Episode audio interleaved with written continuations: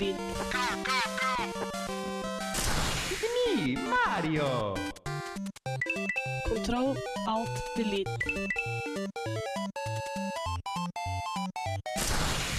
Unable to comply.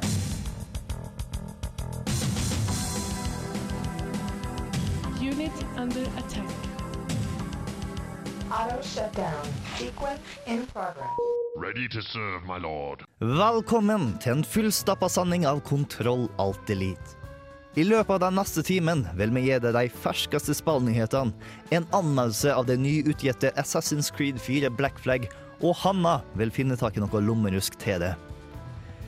I den andre halvdelen av programmet vil vi snu blikket tilbake og hylle de nye spilltitlene som har vokst seg fram og blomstra i løpet av generasjonen som har vært. Men før vi gjør noe av det, skal du få nyte Osk med The Gesture I Just Made Means I Love You.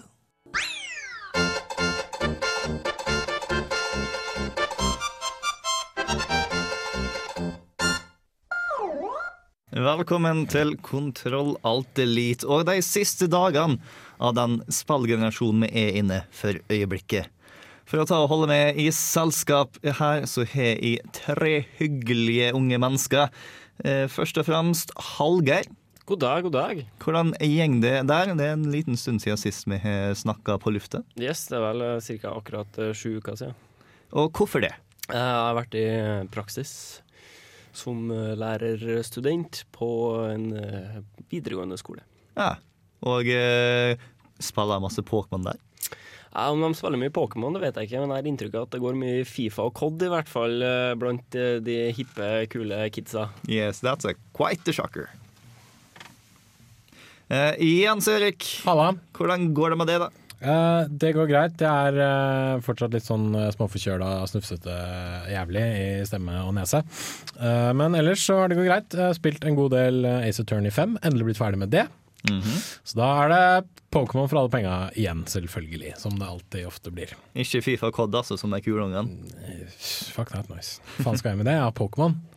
Jeg kan, altså nå har jeg sunket sånn 27 timer inn i Pokémon og ennå ikke kommet Eller jeg har kommet sånn litt forbi fjerde gym. Da må jeg jo spille enda mer Pokémon og bruke enda mer timer på det og bare komme enda lenger. In for a penny, in for a pound. Exactly. Og sist, men ikke minst, så har vi vårt kvinnelige alibi, Hanna. Det gjør meg. Yes, hvordan går det? Jeg er trøtt. Du er trøtt? Hvorfor det? Jeg har hatt en Pokemon? travel eh, uke. Ingen Pokémon. Og det har vært eh, Jeg er sånn som sier ja til ting, og så sjekker jeg ikke ut når ting er, og så havner alt oppå hverandre. Så Det problemet har jeg går i rolige perioder, og så har jeg mer enn panisk hektiske perioder. Så mm, Så dette var en av de paniske periodene. dette er en av de paniske periodene, som passer innmari dårlig, for jeg har seks dager igjen til å hoppe opp eh, et, en league i League of Legends. Uh, og alle de seks dagene har jeg planer, så jeg begynner å innse at det må jeg kanskje bare vinke farvel til i det, dette året. Alltid kommer virkeligheten og ødelegger for de viktige tingene her. Det gjør det, vet du. Mm. Nei, Selv så har jeg ikke fått spilt så særlig masse, i hvert fall Pokémon. Jeg vurderer å faktisk bare ta og starte på nytt og begynne med en Nuzlocke Challenge, fordi at eh, jeg savner den intensiteten som var der når eh, livet begynte å bli litt rødt. Og bare sånn Holy shit, jeg må ta og trekke den ut! Hvis ikke, så dør den! Bård klarer ikke mentaliteten rundt catch them all. Nei. Eh, det er der problemet ligger. Og når du først skal catche deg all, så skal du også breed them all. Det er- That's boring. Let's watch them almost die.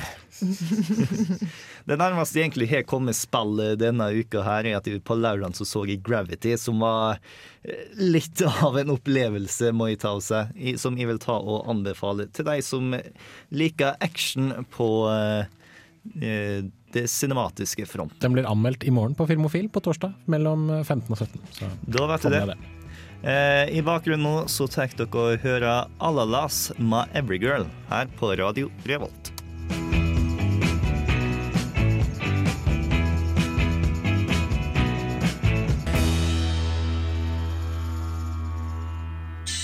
Denne uken i Spillnytt.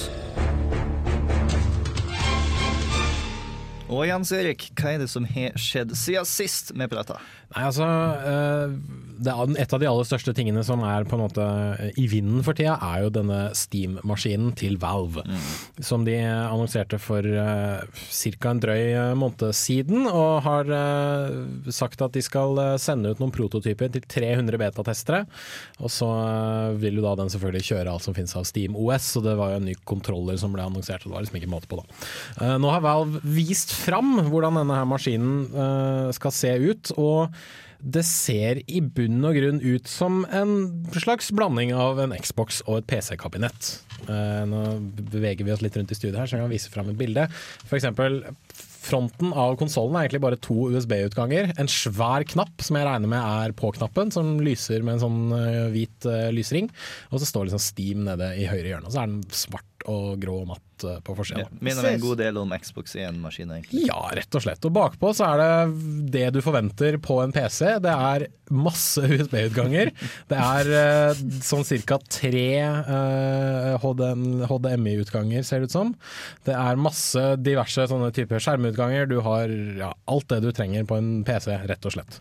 Eh, så det blir veldig spennende å se hva de kommer til å, å gjøre. Det de har forsøkt da med dette designet av prototypen, er å eh, la, lage noe som kan passe til et PC-kabinett uh, à la det som kalles HTPC-formål. Altså uh, hjemmekino-PC-er, rett og slett. Uh, så Valve er jo ganske smarte folk, så de vet jo hva de driver med. Eh, Det, jeg syns det så ut som et grafikkort, sett fra forsiden. Mm. kanskje det.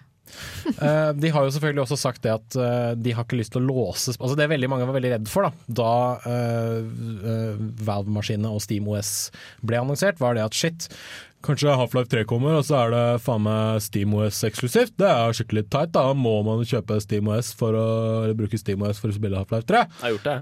Ja, det, alle hadde selvfølgelig gjort det, fordi det er fuckings Half-Life 3. Um, som for så vidt ikke kommer ut, bare så det er sagt. Um, og uh, Valve har sagt at nei, vet du hva, vi skal ikke uh, låse noen som helst uh, spill til denne plattformen vår.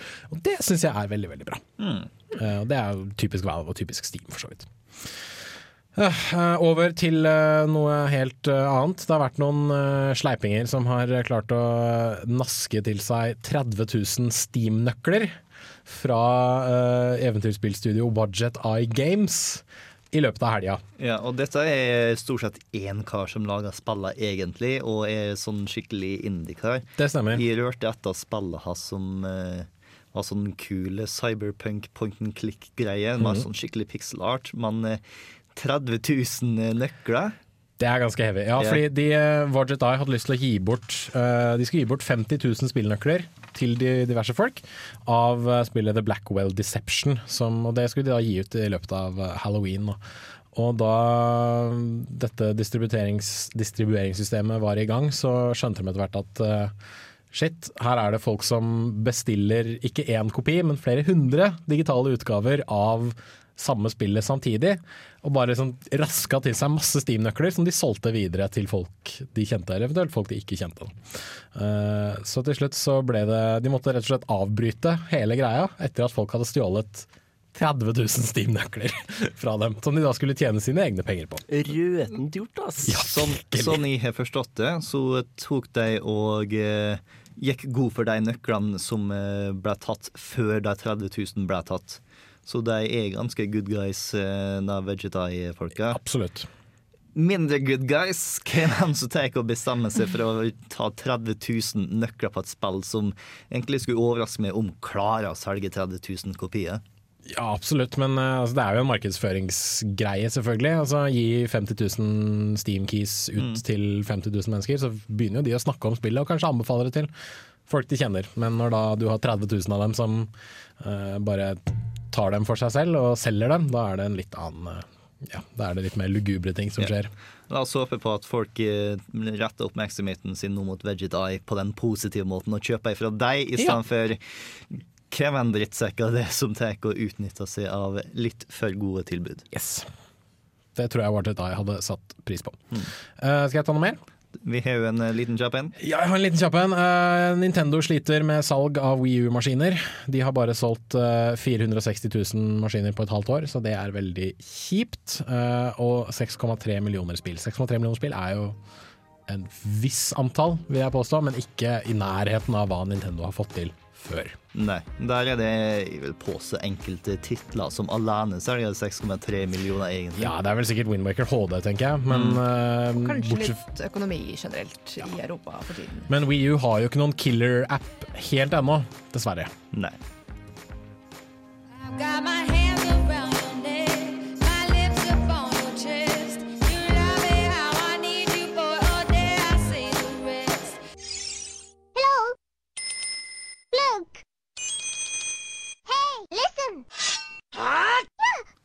Der hørte du We Are Twin med The Way We Touch her på Radio Revolt. Og uh, vi har enda mer spillnyheter til det. Yep. Blant annet at Broken Sword lever opp til navnet sitt. Kan jeg bare, kan, kan jeg bare sword og ikke sword? Sword? Ja, det kan du. Sword. Broken Sword. Ingen W. Sword. Så vet dere det, kjære lyttere. Uansett. Ja. Uh, Re Re Revolution Studios uh, gjorde en kickstarter-kampanje for ikke så lenge siden for å kunne finansiere et femte Broken Sword-spill, i stilen av de to første Broken Sword-spillene. Uh, og nå har de sagt at uh, nei, vet du hva, dette spillet er så stort at vi deler det rett og slett i to deler. Og hver del er som et uh, fullverdig spill sånn størrelsesmessig. Så du må dessverre kjøpe hver episode separat, men likevel. Uh, det er tydeligvis veldig mye innhold stappa inn i disse spillene, for de tjente jo forbanna mye penger. Jeg regner med at de som kickstartet her nå, får begge episodene, selvfølgelig. Ja, det skulle jeg nå tro at de får, og de slippes ganske kjapt etter hverandre også. Den første episoden skal komme ut 4.12, og den andre skal være tilgjengelig i januar. Så det blir veldig sånn kjapt Det gir dette jo her, mening, da, siden de er produsert samtidig. Og de har funnet ut etter hvert. Så det har eh, det, Ja, kult. Jeg er for mer Broken Sword, og hvis det er liksom enda mer Broken Sword, så er det bare nydelig. Men det er ikke det eneste spillet som har klart å blitt delt i to denne uka. der. Nei, det er det faktisk ikke. Uh, fordi det var en god stund litt sånn, ikke nødvendigvis bekymring, men forvirring rundt Metal Gear Solid 5. Fordi det ble annonsert et Metal Gear Solid-spill som skulle hete Ground Zeroes. Og så fikk du vite at Metal Gear Solid 5 det skulle hete Phantom Pain, og så var det noe som het Metal Gear Solid 5 Ground Zeroes, så man visste ikke helt hva som var hva da. Var det sånn at det ene var en prequel og det andre var Eller hva var det liksom? Nei, Metal Gear Solid 5 er to spill. Det ene Ground Zeroes, og det andre er The Phantom Pain. Og da Ground Zeros skal komme til våren og bli en slags introduksjon til tingene som skjer i The Phantom Pain. Så dette her blir som å Ja, dette blir liksom Ringenes herre-filmene i spillform. Rett og slett. At det ene fortsetter rett etter der det andre slutter, og begge er nødvendige for helhetsopplevelsen. Håper ikke det blir en sånn greie for spill òg. Altså, Nei, dette er ta- Kojima, så jeg ja. kan se for meg at det blir en greie for han. Men jeg tror ikke det blir en greie for spill generelt. Det tror jeg ikke. Med mindre det er liksom episodebaserte, korte mm. greier. Jeg tror ikke eh, Kojima klarer korte episodebaserte greier. Nei, det gjør han for så vidt ikke. Men eh, det, det er da godt forsøk av han, holdt jeg på å si, hvis han prøver. Eh, ja, den eh, nyeste, altså Metal Gear Solid 5 eh, Ground Zeroes har jo Nei, ikke sånn, hele Metal Gear Solid 5 har jo skapt litt kontrovers, da. Da man fikk vite at Kiefer Sutherland og ikke uh, David Hayter skulle være nye Snake, blant annet. Så oh, Dun, farlig. dun. Men uh, f Ground Zeroes og Phantom Pain ser lovende ut, så det blir spennende å spille til våren. Og avslutningsvis, hva er det jeg ikke får lov til å gjøre nå i løpet av juleferien min? Du får ikke lov til å spille South Park The Stick of Truth. God damn it! For det har blitt utsatt for tredje gang på to år. uh, nå har de rett og slett bare sagt at nei, vet du hva, vi må, eh, vi må snu dette her litt eh, rundt, og vi må jobbe mer på det. Og det, går, det blir utsatt til 4. mars i 2014. Eh, vel, ta her er Obsidian som tar og utvikler, og de er litt vel kjent for å ta og lage gode mannbyggespill. Ja. Så det jeg håper på skjer, er at eh, i mars så får vi ta og se det mest polerte Obsidian-spillet noensinne. Krysser fingra for det. Det ser kult ut i hvert fall. Et annet spill som ser kult ut, er Assassin's Creed 4 Black Flag. Og etter vi har hørt Arctic Monkeys med Arabella, skal vi finne ut om Sondre mener om det faktisk er kult. Arabella's got some interstellar gator skin boots. And a helter skelter around a little finger, and I ride it endlessly.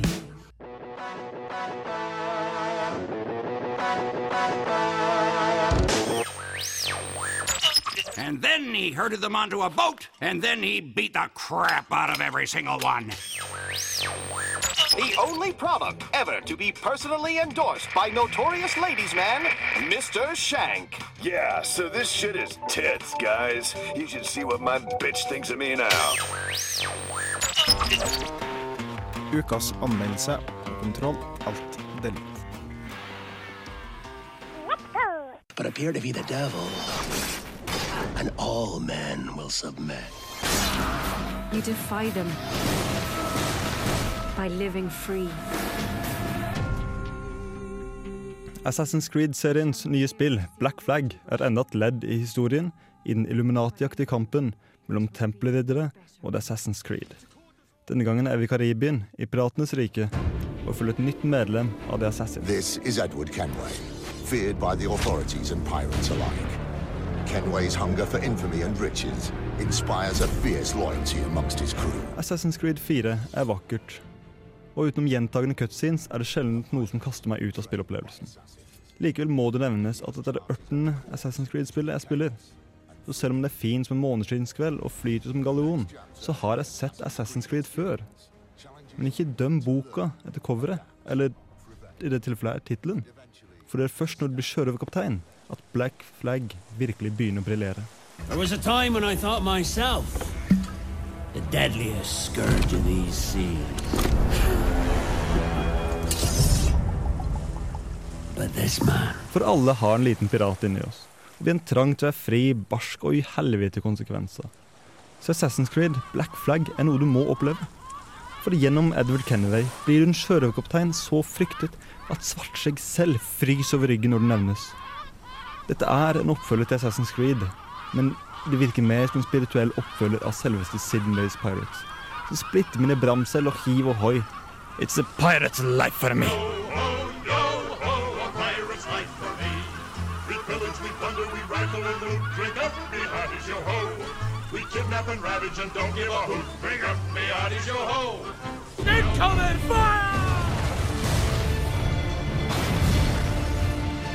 We fight the enemies who defy us and carve our legends in steel. Som Assassin's Creed-spill får Black Flag 5 av 10. Men dette er et piratspill, og piratspillet Black Flag står solid plantet på sjøbein på 9 av 10. Og det er kun fordi jeg er uenig med boardingmulighetene, og fordi jeg litt for ofte minnes på at dette er et spill og ikke en sjørøversimulator.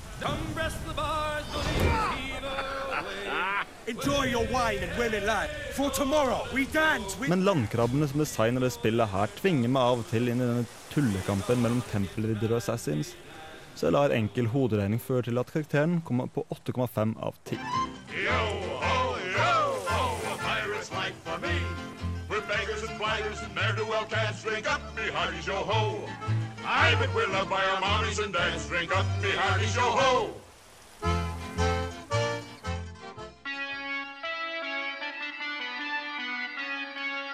Champion son, but ram up the dance anytime in the. Alpha time, you say so.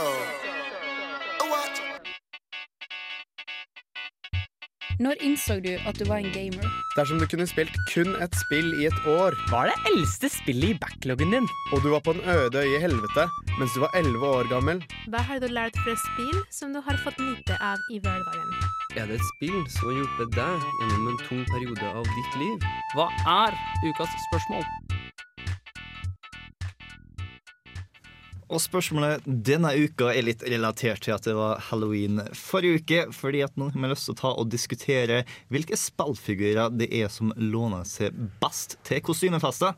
Oh, snakker vi da de som er lettest å gjøre, eller de som er lettest å gjenkjenne av andre mennesker? Eller som rett og slett er kulest. Jeg vil si en blanding av alt sammen, egentlig. Eh, det kuleste kostymet jeg kanskje så da jeg var ute på halloweenfest på Samfunnet, var faktisk et eh, spillkostyme som jeg aldri har tenkt på før. Eh, jeg har sett eh, Sims-kostyme før, som er ganske enkelt. Du bare tar og fikser en sånn grønn diamant rett over hodet. Dette her var nakne Sims. De har tatt og eh, printa ut noe mosaikkgreier som sensurerer deg når du er naken, og så gikk det opp det med grønne diamanten over seg. Jeg tror jeg så noen bilder av det på Reddit, hvor det var en som hadde stelt seg inn i en dusj og liksom bare hatt den der eh, pikselerte greia som var en sim. Veldig God idé, da, faktisk. Veldig morsomt. Det er jo gjenkjennelige aspekter som du, du er jo ikke i tvil, liksom. Nei. Så Nei. Og det er egentlig det største problemet de fleste spillkostymer har.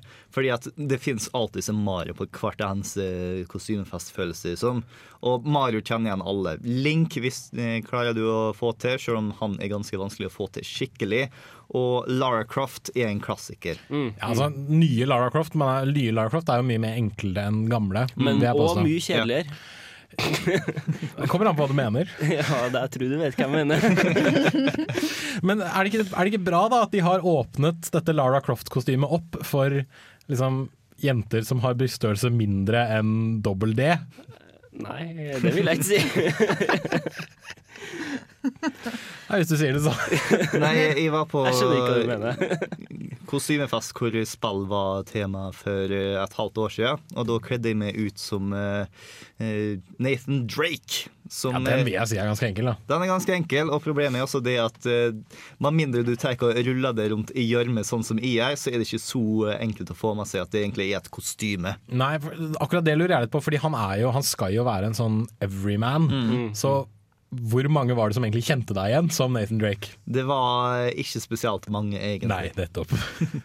Gjeng faktisk av og til rundt i det kostymet minus pistolhylsa rundt eh, brøstet, eh, og eh, ingen legger merke til det. Nettopp. Akkurat som akkurat nå er jeg i Captain Haddock-kostymet mitt. Hei! Ja, faen, det er sant. Det, er sant.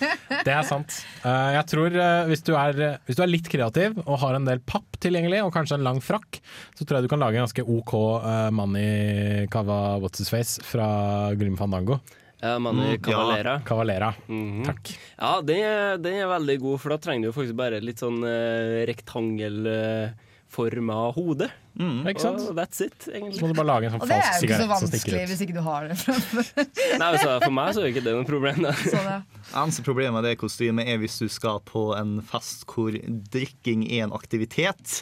Ja. For eh, da er du nødt til å ta av deg masken. Mm, mm, Ja. mm. Og Heibjørn Torkil som kom på uh, halloween med en sokk tredd over hodet og ikke tenkte på hvordan man skulle drikke alkohol den kvelden. Eh, dristig, dristig, meget dristig. Jeg tenker også um, Jesse fra Team Rocket. Det Da må eneste du du ha trenger, håret, er vid over det. Ja, du trenger langt hår, og så må du farge det rødt. Men bare den der veldig sleik bakover, som ender i en litt sånn spiral. Det er nesten så vi Så trenger å ha ståltråd i håret for å holde det skikkelig oppe. Ja, Du kan lage noe du, pappmasjé eller sånt. og Bare liksom, Og så det henger bak deg hele kvelden. Jeg syns at når du først går som Jesse, hvis du da ikke har med deg en James Så er det veldig pinlig. Ja, Det blir litt for dumt, altså. Altså. Da kan du satse på at i løpet av kvelden så finner du deg en James, og da vet du hva som skjer. Ja, det, det. Team Rocket flyr av sted igjen! Jeg synes du er i det skitne hjørnet i dag, Ja, Hallgeir. du har hørt på så mye Radioresepsjonen i det siste at jeg blir helt uh... Se på det på den barnevennlige måten og tenker at dere anskaffer dere en katt. Uh, Ja, uh, ja, ja, ja. Eh, ja. Og så er det veldig åpenbart, hvis du kommer som bare den ene delen av en duo, at du har ikke funnet noen som syns ideen din er god. Oh. Eh, og det er jo litt kjipt, da. Ja, det er det. Men det kan jo være en veldig fin måte å bare rope ut til hele rommet Hei, jeg er faktisk singel. Det er sant. det er sant Men kuleste, da. Fordi eh, det er noen som bare sitter stuck med folk som har brukt så sykt mye arbeid på Det har vært ganske kult å kledd seg ut som Solid Snake. Men da må du ha en tight, tight catsuit uh, militær uh, greie, da. Jepp. Og møllet dersom jeg går for, fra toeren. Ja, virkelig. Uh. Jeg tenker eh, Jeg så på um, League of Legends-finalen eh, nå, så var det en som hadde kledd seg ut som Elise. Og Elise er en stor Hold deg før av en seig. Jævlig edderkopp. Um, som har liksom fire bein på hver side, eller noe sånt. Og som det var lagt så mye arbeid i bare i bena, fordi det var på en måte en veldig mørk svart kjole, så du så ikke de egentlige bena. Det var egentlig bare disse spider legs som du så. Og når hun da gikk bortover, så var det en sånn hjulmekanisme på det som gjorde at bena så løfta seg. Nice. takt når de gikk bortover. Det var helt sjukt å se på. Og sånt er fascinerende, altså. Jeg har sett en eh, veldig kul en som også er, sannsynligvis ikke krever så forferdelig mye, mye jobb. Eh, Det er rett og slett eh, sykepleierne fra Silent Hill. Ja. Det, dem syns jeg er veldig bra, for da trenger du egentlig bare å ha på deg altså, Fortrinnsvis hver kvinne. Eh, Ja, helst. Det hjelper. Ha på deg en eh, sykepleieruniform, og da snakker vi ikke den som de norske sykepleierne går med. Nei, det er sexy nurse-greia. Ja, sexy nurse. Som vi- du å finne kjempe kjempelett på Ja, det bør ikke være noe problem. Og så Um, bare bandasjerer du ansiktet ditt, basically. Mm. Og så går du på en svært funky måte. Ja, ja, ja. Du bør helst også kan å danse, tror jeg. Kan være en fordel. Eller absolutt ikke kan å danse, for det, blir litt, det er litt Ja, de skal jo være litt sånn twitchy og sånn. Ja, det er litt vanskelig å si. Er de veldig flinke, eller er de ikke flinke i hele tatt? Aner ikke. Det er ikke et problem jeg har satt meg inn i. Uh, jeg har to forslag. Én, hvis du er jente med veldig langt blondt hår, skaff deg en blå catsuit, så kan du være zero suit Samus. Veldig enkelt. Eh, hvis du er mannfolk og eier en uh, veldig blå dress, så kan du gå ut, kjøpe deg et rosa slips, lage deg en liten sånn der, eh, button-ting, og hvis du har håret for deg, så bare spike det bak hodet ditt, og så kan du gå rundt og peke på folk hele kvelden og rope 'objection' fordi du er Phoenix Wright. Mm, og hvis du ikke har sånn hår, så kan du gå som Leisure Suit Larry. Faen, det glemte jeg. Det er sant. Hvit dress, Leisure Suit Larry. Ah. Er du blond kar, så kan du også ta og ganske enkelt fikse det et uh, Guybers Treepwood-kostyme. Oh, Ja, ja, ja. Spesielt fra treeren, sjøl om igjen litt vanskelig å kjenne igjen, med mindre du er nerd nok. Ja. Er det når jeg skal si at uh, kostymet jeg hadde på meg på halloween, kosta meg 15 kroner fordi jeg hadde alt fra før av, og det er litt flaut med tanke på hva jeg faktisk hadde på meg. Det var rosa, det. Det var 80-tallet dratt ut. Mm. Nei, eh, mye, men jeg tror jeg aldri Jeg er veldig veldig fascinert over de som bruker mye tid og energi på å få cosplay til å se bra ut. Men det er en egen Altså, de som crafter våpen Mm. sjøl og sånn, det er jo helt vanvittig å se på. Ja, det kuleste i sett av cosplay egentlig er Mass Effect-cosplay. Jesus Christ, Spesielt de som er fær til en Krogan, Ja. hvor som snakker Ja, Krogan-kostymene er virkelig imponerende. Mm. Men også et eh, annet et som er ganske billig, som er enkelt og, og ganske kult. Eh, Det, i, I et uh, Halloween-party jeg var med zombietema en gang, så var Mm. det en som bare tok en trafikkjegle og stappa på hodet, og da var det liksom Hei! Du er traffic cone-zombie fra Plants vs. Zombie. Det var veldig kult. Billig Nice. og enkelt, og kanskje ikke den enkleste tingen å finne tak i lovlig, men Nei, nei, men, hei. hei. Alt du vil bare levere den tilbake etter 31. oktober er ferdig.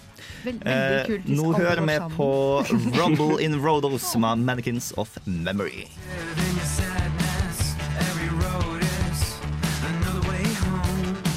Lommerusk. Lommerusk! Lommerusk, ja. Spill du får plass til i lomma.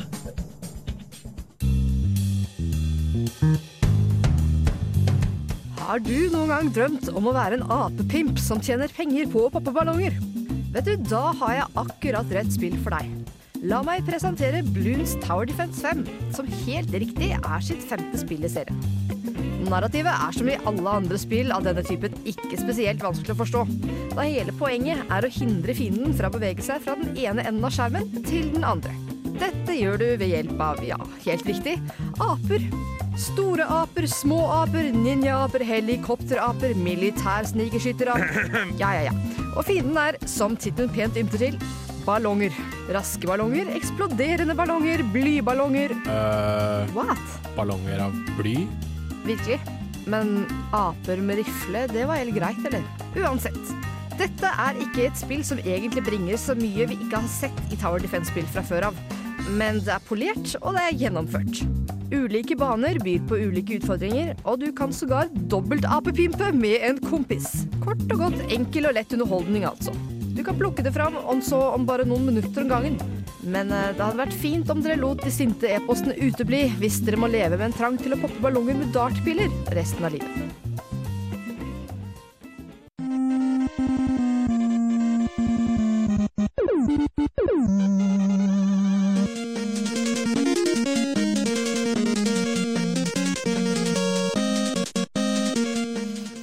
Velkommen til Kontroll Alt Elites tematime, som denne gangen er nå er topp ti nye spill-IP-er fra generasjonen som var. Eh, vi har tatt og laga lister og laga liste av lister og laga liste av liste av lister og kommer fram til det vi synes er de ti beste Nå har du slutta å rote rundt, Hanna. Klønete. Ø- Ødelegger du en fin introduksjon til vår. Nei, det var visste ikke har lyst til å sånn høre på. Men så. OK, okay, bare La oss snakke om sola. Det høres jo som det er mange i studio, sant? når det romsteres litt og sånt. For det kan jo umulig være så mye lyd når det bare er fire stykker i studio. Nå tror jeg du har på deg feil headset, altså. Det har jeg kanskje. Fordi ledningen er der borte. Jo, jo, men nå har hun på seg sånn at man hører begge ærend. Bård har mitt, Mm. for han vil ikke ha sitt eget. Nei. Ja, det er sant. Hvem er det som har lyst til å bare høre på venstre øre? Jeg hører bare på venstre øre. Jep. Da vet vi det. Uansett, topp ti nye spill-IP, det vil si alle de titlene som vi ikke kunne ta og forestille oss før Xbox 360 kom ut. Mm, Super Mario Galaxy for eksempel er ikke på denne lista her, fordi at eh, Mario er vi kjent med. Eh, Batman Arkham Asylum er ikke med, fordi at Batman har spill før den tid. Mens eh, andre titler som vi aldri har hørt om før 360, er med. Eh, Og eh, selvfølgelig så kommer du til å være helt uenig på rangeringa av lista vår. Du kommer til å si å nei, det som er på tredje er definitivt et spill som burde være lenger ned. Det burde være på sånn niendeplass maksimum. Det er ingen av oss som er enige heller. Nei. Nei, Jeg satt jo, jeg satt jo og vred meg i smerte hver gang noen av mine favoritter bare forsvant rett ut av lista. Men det er jo mest fordi at du tok og rangerte lista i på en helt annen måte enn det vi gjorde. Ja, men det er jo ikke mitt problem. Nei. Det er bare det at nå ga jeg det åpningen. Det skal ikke, det skal ikke gå utover meg. Nei, jeg bare ga det åpningen til å forklare hvordan du rangerte. Fordi at vi andre oh, ja, sånn, ja. vi rangerte det vi syntes var favorittene våre. Men du var litt sånn eh, contrarian. Ja, det var litt vanskelig for meg å ta altså, åtte år med dataspill og på en måte komprimere det ned til ti spill jeg på en måte hadde favoritter av.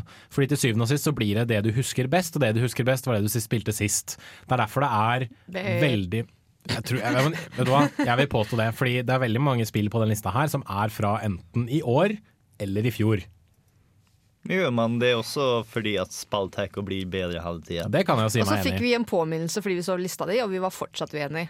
Så jeg, jeg, jeg går ikke for den heller, liksom. Men eh, jeg, gikk for, jeg gikk for det jeg mente var eh, innflytelsesrike spill, eh, rett og slett. Og eh, dreit i, litt i liksom sånn favoritisme og sånt nå, og sa rett og slett at er dette her noe som har hatt ringvirkninger nedover i eh, årene som har gått? Ja eller nei? Og så- Ja, men come Det on! var ikke så jævlig vanskelig. Jeg brukte ti minutter.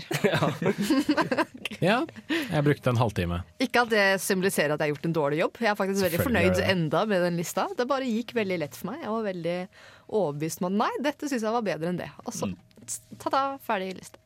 Men sånn generelt når du skal ta og lese topp ti-lista sånt som det er nå, ikke heng det opp i rangeringa.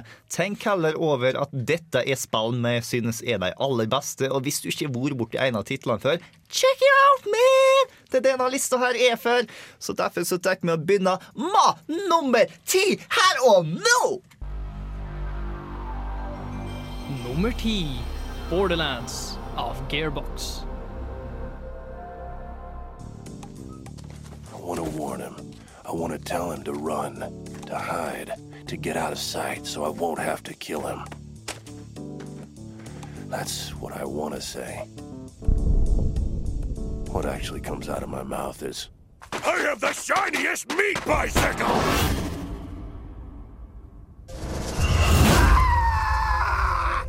Velkommen til planeten Pandora, et eldorado for skattejegere og banditter. Her har vi ørken så langt øyet kan se, og om du er heldig møter på en av våre unike turistattraksjoner.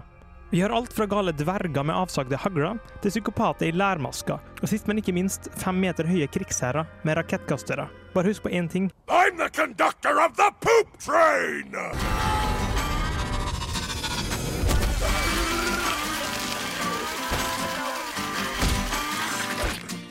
Borderlands-spillene er som et hoppeslott uten noen øvre aldersgrense, hvor du og dine allierte har minst like mange psykologiske problemer som de du kjemper mot.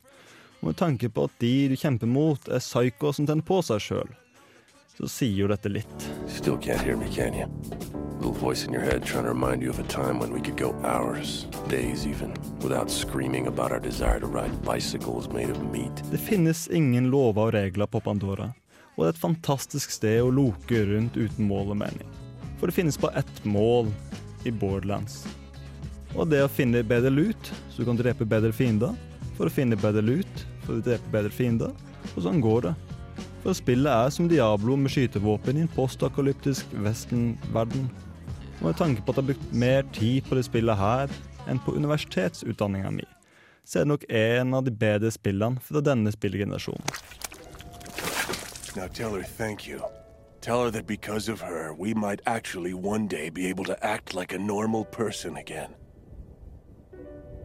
I powdered my cockatiel for the ribcage slaughter. Huh.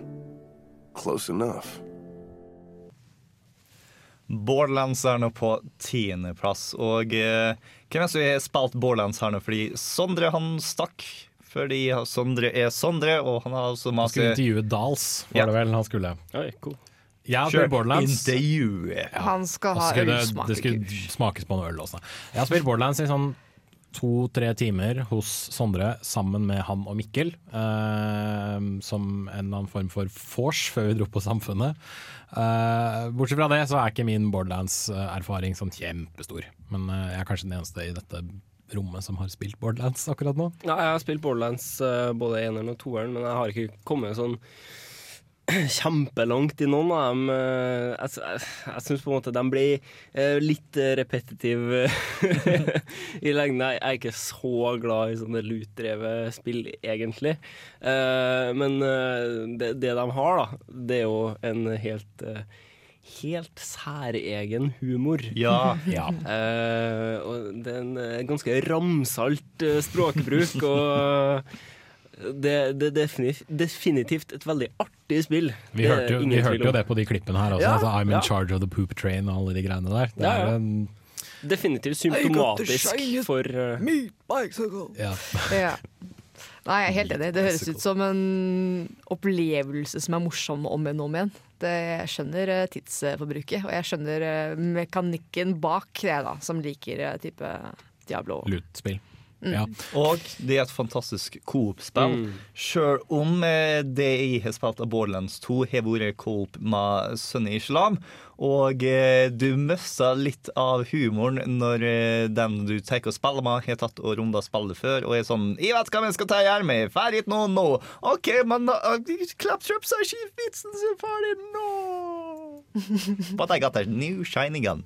Mm. Nei, ja, men det jo, det er jo påfallende Kanskje ikke så veldig revolusjonerende det ja, det Gearbox gjorde, men det er jo en eh, litt nyskapende greie. da, Det at de sa vet du hva, det å skyte folk i fleisen, det er moro.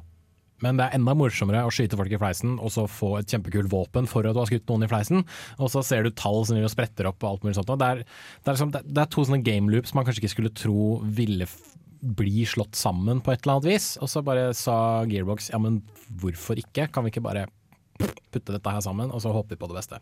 Og det klarte de jo. For det, det minner litt om sånn, sånn arkadespillstil, egentlig. Dere der med tallene som spretter opp, og at du plutselig så dauer og så er litt sånn uh, Bruker penger til continue, basically. Ikke sant? Det, ja, det, og, og, så det og så ser det jo helt fantastisk ut. av det, Ja. det har en veldig, veldig veldig kul uh, art-style. Som ikke krever noe særlig av maskiner i heller. Nei. Så du kan ta og eh, kjære den på en eh, rimelig crappy PC, og ta og kjære split screen på konsoll uten at det ødelegger ting. Mm. Nice. Mm. Eh, det var nummer ti. Gjett hva som er nummer ti. Førstean, for her får du høre nummer ni.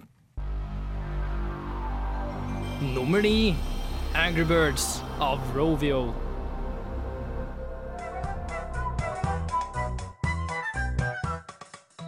Neste spill på topp 10-lista vår er en kjenning for de aller fleste. Angry Birds, spillet som kom ut til iOS i slutten av 2009, viste oss virkelig hva smarttelefoner hadde å by på av underholdningsmuligheter. Konseptet er såre enkelt. Du bruker en katapult til å kaste fugler etter griser, i omgivelser som byr på gradvis større og større utfordringer. Det faktum at spillmekanikken er så enkel at selv bestemora di skjønner det, og at det bare koster noen få kroner, har gjort at det har solgt mange millioner kopier. Videre har det blitt gitt ut flere oppfølgere, som Angry Bird Seasons og Angry Bird Star Wars, som alle sammen følger det samme konseptet kast fugler etter griser. Få stjerner, skyld, rens, gjenta. Det finske spillutviklerfirmaet Rovio har i Angry Birds vist oss at det enkle faktisk kan være det beste. Ja, eller eh, inn på topp ti-lista, i det minste. Angry Birds der nå på niendeplass. Jeg tror ikke du så den komme. Jeg gjorde i hvert fall ikke det da jeg begynte å lage lista. Nei, men, men akkurat der så Der må jeg ærlig innrømme for min egen del at jeg tenker litt sånn som Jens Erik. da Mm. det, er liksom, det, det er kanskje ikke det største og beste og mest prangende spillet, men fy faen som det har solgt! Fy fader, så, Mm. som det har åpna opp for uh, på en måte the mainstream audience. Uh, og et spill som koster seks kroner, eller hva det er, og har uh, solgt for ja, hva det er det er Alt for mye. en- Ja, det er flere hundre millioner. Mange så- nuller. Mange, Ja. mange nuller. Ja. Veldig mange Og ikke minst med tanke på alle produktene som har kommet rundt. Ah, For du kan jo knapt gå inn på en, butikk som har noe som helst med spill å gjøre, uten å finne Angry Birds-bamser eller sprettertspill som skal etterligne, eller hva som helst, liksom. Det finnes jo til og med et Angry Birds brettspill nå, har jeg skjønt. Ja. Putetrekk altså, Så Angry Birds er basically Tetris med merchandisen til Star Wars. Ja. Ja. Hey. yeah. Ja, det kan jeg si. Nei, men altså, det er utrolig på, altså, Ikke påfallende igjen, jeg må slutte å bruke det ordet. Det er utrolig hva de har klart å gjøre, da, i og med at de var ikke akkurat Det var ikke det første mobilspillet som kom ut, Nei. absolutt ikke. Men det var jo et av de mobilspillene som kanskje gjorde Altså som har gjort størst suksess, og som har Altså alle i anførselstegn spilte jo Angry Birds en stund. Mm. Og veldig mange gjør det jo for så vidt fortsatt også. Og eh, det er eh, det var et av de få spillene som i hvert fall i touchskjermenes begynnende dager skjønte det at hei, vi klarer ikke å etterligne uh, hvordan vi gjør det med en vanlig spillkontroller og på en vanlig spillmaskin. Så la oss bare ta denne styrken maskinen har, som er touch og slide og slipp, og prøve å gjøre det til et eller annet spennende. Og så er det jo egentlig bare et ja, katapultspill. Det jeg vil si er den beste tilføringa Angry Birds har gjort til spill, i hvert fall små spill, i trestjernersystemet. Mm. Det er sånn hvis Det du kopieres jo i hytt og gevær nå. Ja, men det er så utrolig bra, fordi at uh, hvis du klarer deg så vidt, så får du én stjerne. Og du er ikke fornøyd med én stjerne. Ganske, klarer det ganske bra, så får du to stjerner, men du har lyst på en trestjerneren. Det er den som bare driver deg tilbake, får til å spille samme brettet over og over igjen, og er ferdig til å få virkelig lyst til å slå kompisen din. Mm. Jeg likte faktisk bedre system i Bad Piggies. Litt det er jo litt to forskjellige spill, da. for Det er to forskjellige spill, men, men det greia med at jeg hater å spille på tid på sånne spill. da Jeg har lyst til å kose meg med det, få til en god score. Du spiller jo ikke på tid i Angry Birds, gjør du det? Er det ikke for å få tre stjerner i Angry Birds at du må også ha en Jeg trodde det var poeng. Det er kanskje bare poeng. Jeg tror det er Kanskje jeg bare skal tie stille, siden jeg helt åpenbart ikke har spilt så mye Angry Birds på en stund. Jeg brukte vel, i hvert fall ikke så masse tid på det. Men OK, så det har mer med ja, samle poeng, akkurat. Jeg tror det. Men det er litt festlig at du nevner eh, Star Wars, da, Bård, for nå finnes jo Angry Birds Star Wars. Eh, som er overraskende kult, for å være helt ærlig. Ja, det, det er faktisk det er Har mange snedige gameplay-elementer som Mhm. faktisk fletter sammen de Mhm. to eh, De to forskjellige si, franchisene ja, yeah. på en eh, overraskende fornuftig måte. Kan ikke finne et godt norsk ord på det med en gang, for nå har jeg stått og tenkt akkurat det samme. Franchise. Franchise. Franchise er ikke riktig. Ja, gjerne med litt sånn trøndersk franchise. Franchise.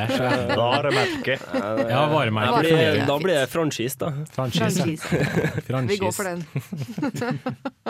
Men hva er det Angry Birds Star Wars gjør som er Har du noen eksempel der? Ja, altså, du, du, har, eh, du har den vanlige røde fuglen. Mm. Her er det Luke. og Han har også en lightsaber.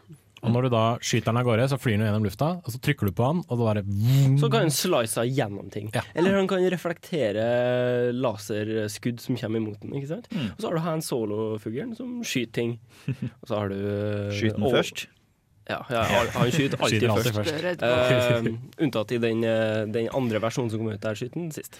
Alle andre versjoner er det vel at Ja. han skyter sist. Og så har du Obi-Wan-fuglen. Han eh, bruker forced til å kaste ting. igjen. Kjempeartig, rett og slett. Må nesten ta og sjekke det ut. Mens du tar og sjekker ut nummer åtte! Nummer åtte, Dishonored av Arcane Studios.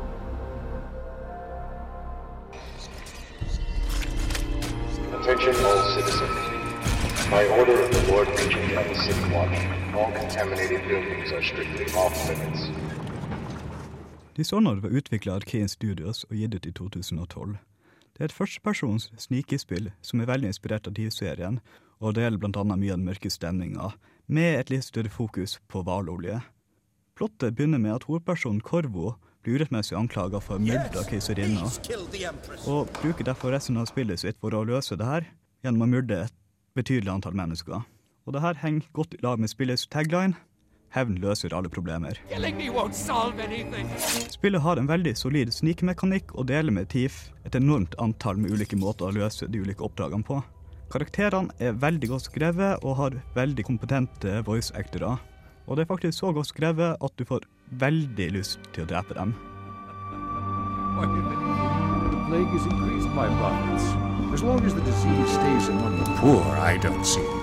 Av alt det her, og mangelen på vesentlig kritikk, vil jeg si at dette er et av de beste spillene fra denne generasjonen.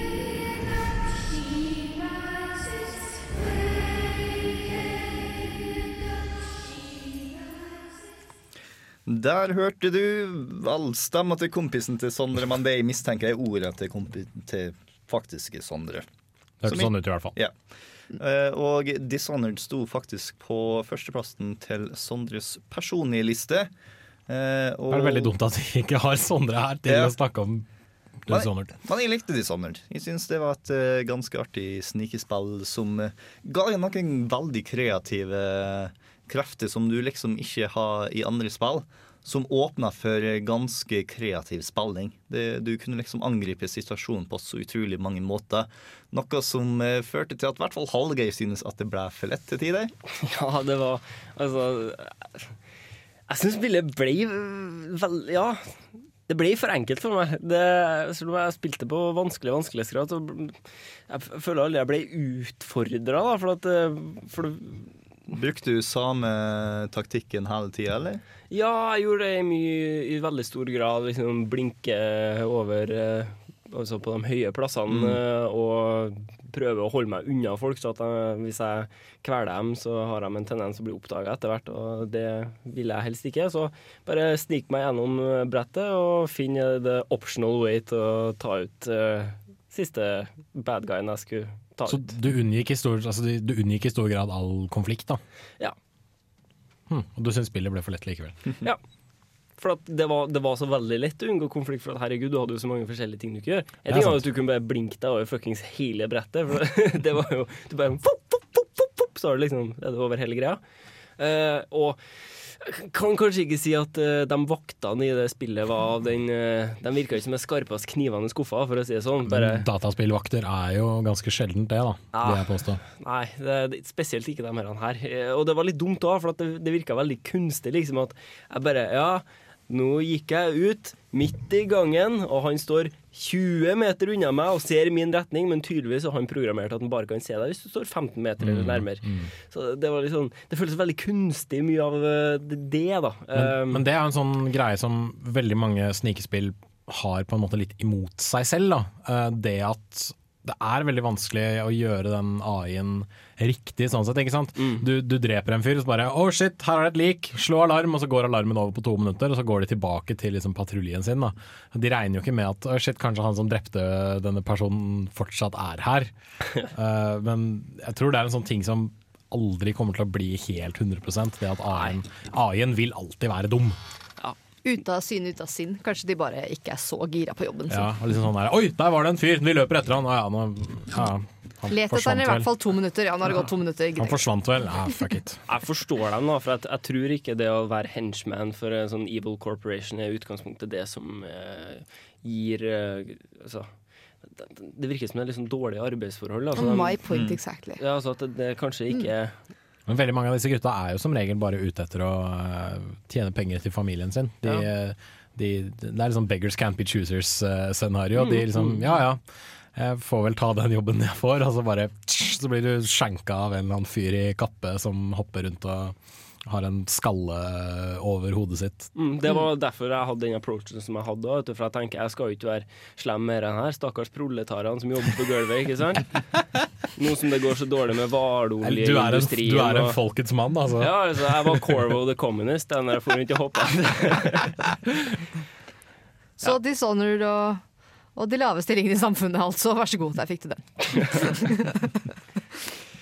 Yes, i tur med tek og kjære videre ifra Dishonored til eh, sak nummer sju. Sju! Sju! Nummer syv, Journey of That Game Company.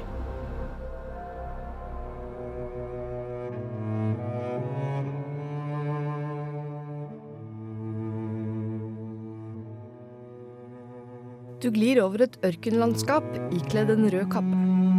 Alt er lys og sand, og på en bakketopp ser du et fjell.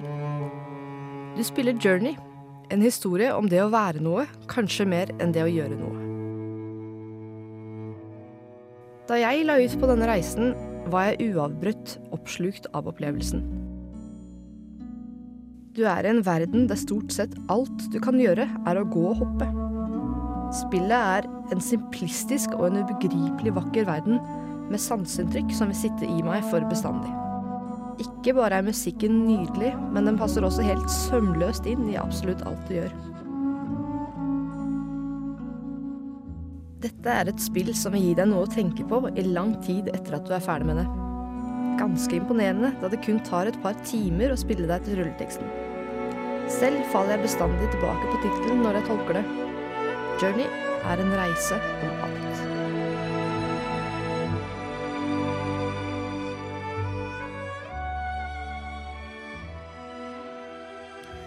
Journey der, altså. Indie-darling fra PlayStation 3. Please, Journey. Dette er ikke engelsk, da, min Bård. Nei, nei, nei. Vet du? Det, det, er, det er den norske bygdeversjonen. Jørni. Journey. Bård, please. Ja. Hei du, Journey, kan ikke du Jeg kaller broren min Jørn. Nå er det helg, nå drar vi på Journey. Ja, i hvert fall. Nå føler jeg ødela Nå ødela jeg for meg Ja, selv. du satte opp slik en Jeg fin stemning, og så- altså. ja. Ja. Der, eh, ja. Tråkka jeg meg litt sjøl på leggen. Men ja, Mm. Journey var eh, mitt uh, toppspill på min uh, topp ti-liste. Uh, Riktignok så langt så stemmer teorien eh, til Jens Erik med at det er eh, nytt spill, og derfor husker jeg det godt, men jeg tror faktisk jeg hadde sagt Sagt det samme om det så var seks år siden. Det her er et spill som virkelig har satt sitt preg på i hvert fall meg, da. Mm. Mm -mm. Jeg spilte det når jeg var hos deg. Yep. Uh, det ble ikke sagt et ord omtrent. Uh, det eneste som ble sagt, var det vel eh, ting jeg sa for å kommentere på ting som jeg var veldig veldig fornøyd med i spillet.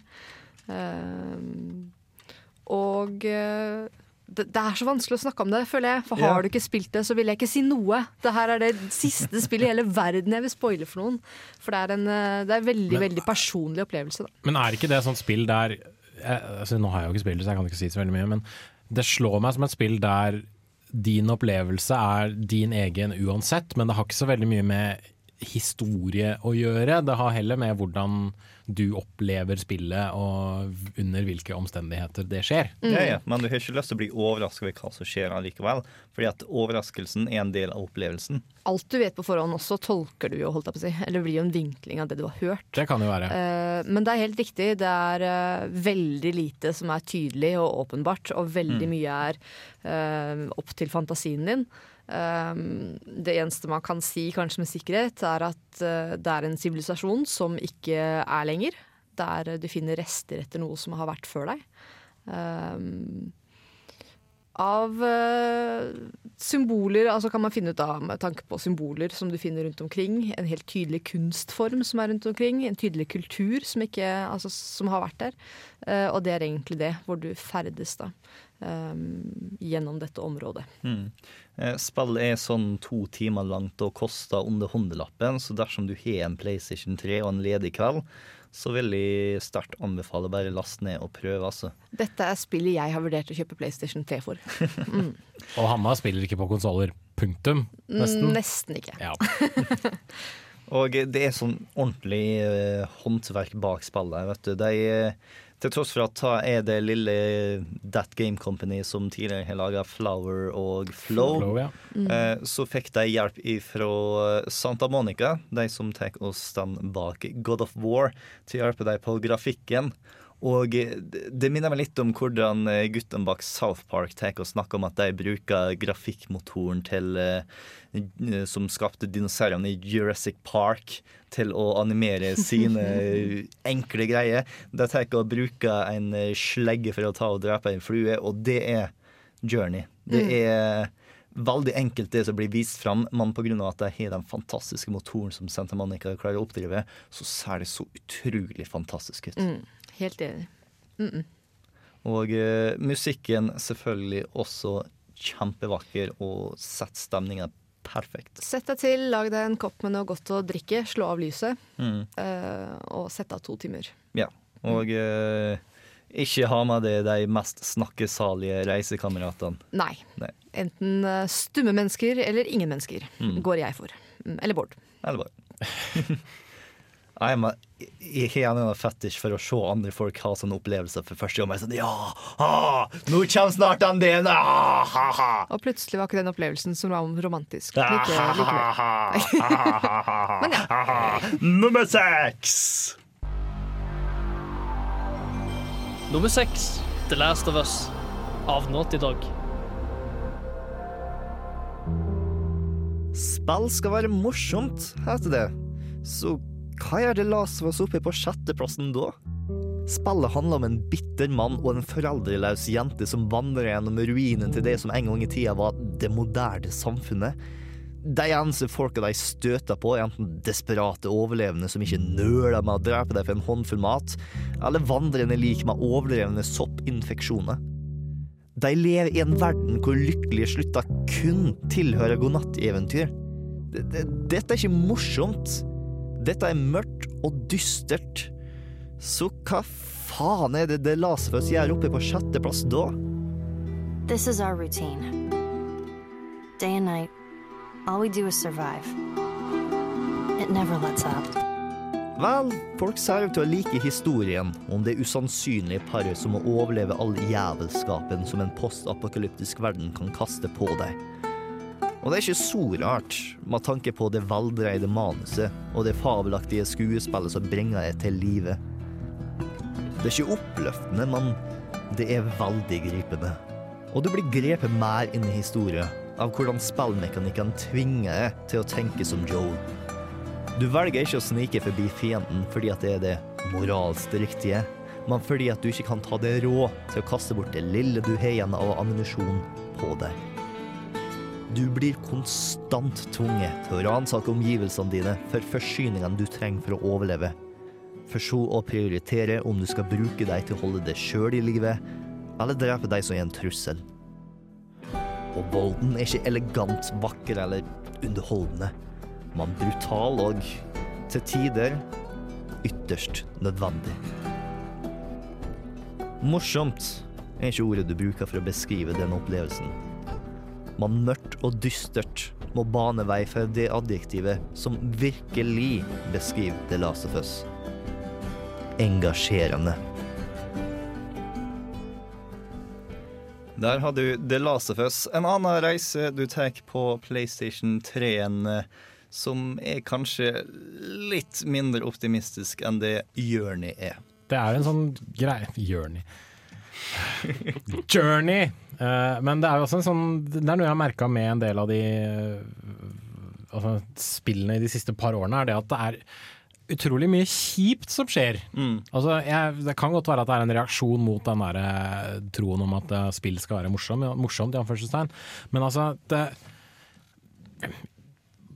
Hvordan skjedde det, liksom? Hva for noe? Det at spill plutselig bestemte seg for at nei, vet du hva, vi skal prøve å være litt kjipe. Rett og Eh. slett? Film har gjort det i x antall år. Uh, altså, liksom The Road eh, og uh, ja, herregud, diverse andre ting har jo egentlig bare sagt at liksom, her er en kjip virkelighet, menneskene i den er kjipe. eh, karakterene du møter er kjipe, alt er kjipt og skikkelig dritt. Forhold deg til det på en eller annen måte. Jeg tror det er fordi at eh, du liksom, mediet ønsker å vokse opp, og eh, det å være kjip og bitter er som å ta og drikke kaffe når du er 13 år gammel. Det, er sånn, det smaker ikke godt, men det er så voksent. Plutselig har man en Ja, men stor, men plutselig så har man også en stor spillebase som begynner å bli voksne, da. Altså, Ja sånn, vi har alltid hatt altså, Selvfølgelig er det folk som er eldre nå som har spilt spill, det er ikke det jeg mener, men det er nå det har blitt veldig veldig mange eh, voksenspillere, tenker jeg. Kanskje det har noe med det å gjøre. Men selvfølgelig, det som er interessant med å ha det kjipt i spill, er at du er nødt til å ta kjipe valg. Eh, Det å Altfor mange spill er power fantasies hvor du eh, har så å si evig med ammo, og du kan alltids ta finne den gode veien ut, og du har fint lite problemer, men når du har nødt til å ta og kjempe imot det som er kjipt, når du tar og ser at til tross for at du kjemper så hardt som du bare kan, så taper du de store kampene. Det er en veldig interessant opplevelse som eh, spill endelig har begynt å utforske. Det er jeg enig i, men det er også utrolig kjipt. Yeah. Virkelig, altså. Du har ikke lyst til å ta og spille altfor mange av denne typen spill på rad. Nei. Men uh, når du har tatt og spilt litt for masse Angry Birds, så er det fint å rense palettet med litt The Last of Us. Ja, men jeg, jeg, kan ikke liksom se for meg at de som spiller Angry Birds, spiller The Last of Us. Sånn egentlig. Det er kanskje noen, men de som, altså den vanlige anførselstegn Angry Birds-spiller, jeg tror ikke vedkommende kommer til å plukke opp The Last of Us sånn på et whim. Nå tror jeg det er veldig veldig ba mange barn som spiller eh, Angry Birds. Det er noe, det er noe så, men jeg tenker at jeg har 40 år gamle veldig stort, jeg har veldig stort spenn. Ja, men jeg- jeg- jeg vi har veldig stort spenn. Se for deg et Venn-diagram over det her nå. Ikke sant? Mm. Så det lille skjæringspunktet, de som sannsynligvis spiller både Angry Birds og Last of Us, den store majoriteten på begge to har kanskje ikke spilt begge. Jeg vet ikke, jeg, jeg tror det er veldig veldig mange som spiller eh, Spiller på en måte dystre spill, som også spiller gladspill. Men det er kanskje ikke Mm. like mange som spiller gladspill som spiser, spiller dystre spill. Ga det noe Ja, mening? Eller, ja. det, det vil jeg si enig i. Ja. Og uh, da The Last of Us kom ut, så var det en god del folk som tok og gikk for det Hanna har lyst til å gjøre med Journey, og kjøpte PlayStation 3 kun for å kunne spille The Last of Us. Og, eller ta og låne med en kompis kun for å spille The Last of Us, fordi at dette var et spill de absolutt har lyst til å eh, oppleve. Og det var en god del folk som var ganske fornøyd med den avgjørelsen de gjorde. Mm. Jeg skjønner det. Ikke Mm. minst vise det til venner. Man har jo lyst til å vise fram spill som, som er skikkelig bra, liksom. Men samtidig så tenker jeg det at man altså, Grunnen til at jeg, Hvis jeg viser fram et spill, så er det 'se hvor kult dette er', ikke 'se hvor kjipt dette er'. jeg, spørs vet, jeg vet det er veldig vanskelig å liksom være djevelens advokat akkurat her, da, for jeg har jo ikke spilt spillet. Men jeg, jeg vet jo det at det er jo på en måte Det er, som det, det er litt som The Walking Dead, i det at Mm. verden har gått lukt åt skogen.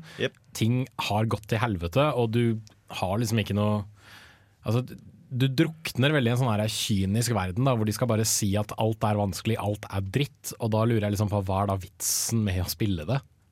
Det det kommer litt an på hvilke venner du har, tror jeg. Jeg har venner som hadde satt veldig pris på om jeg hadde introdusert sånne spill. Selvfølgelig spesifikke venner, da. Ikke alle, men sånn. Jeg jeg er litt glad for det. At jeg har folk som på en måte ville satt pris på å bli introdusert for sånne ting. Mm. Så kanskje, kanskje det er der det ligger. Kanskje du bare har bare Du har bare altfor lykkelig menneskevenn. Altså, Jeg tror ikke nødvendigvis det. Men altså den der, hva skal jeg si, kjenne på å bli kasta inn i umulige situasjoner, det får du jo like fullt i Dark Souls. Mm. Og jeg vil ikke påstå at Dark Souls er like kjipt og kynisk som uh, f.eks. The Last of Us er. Du kan bli ganske kjip og kynisk hvis du spiller litt for masse Dark Souls uten eh, det talentet som skal til for å faktisk klare det. Ja, men du har jo du har et x antall viker og spill-FAQ-er og sånt noe som du kan sjekke opp, da. For så vidt.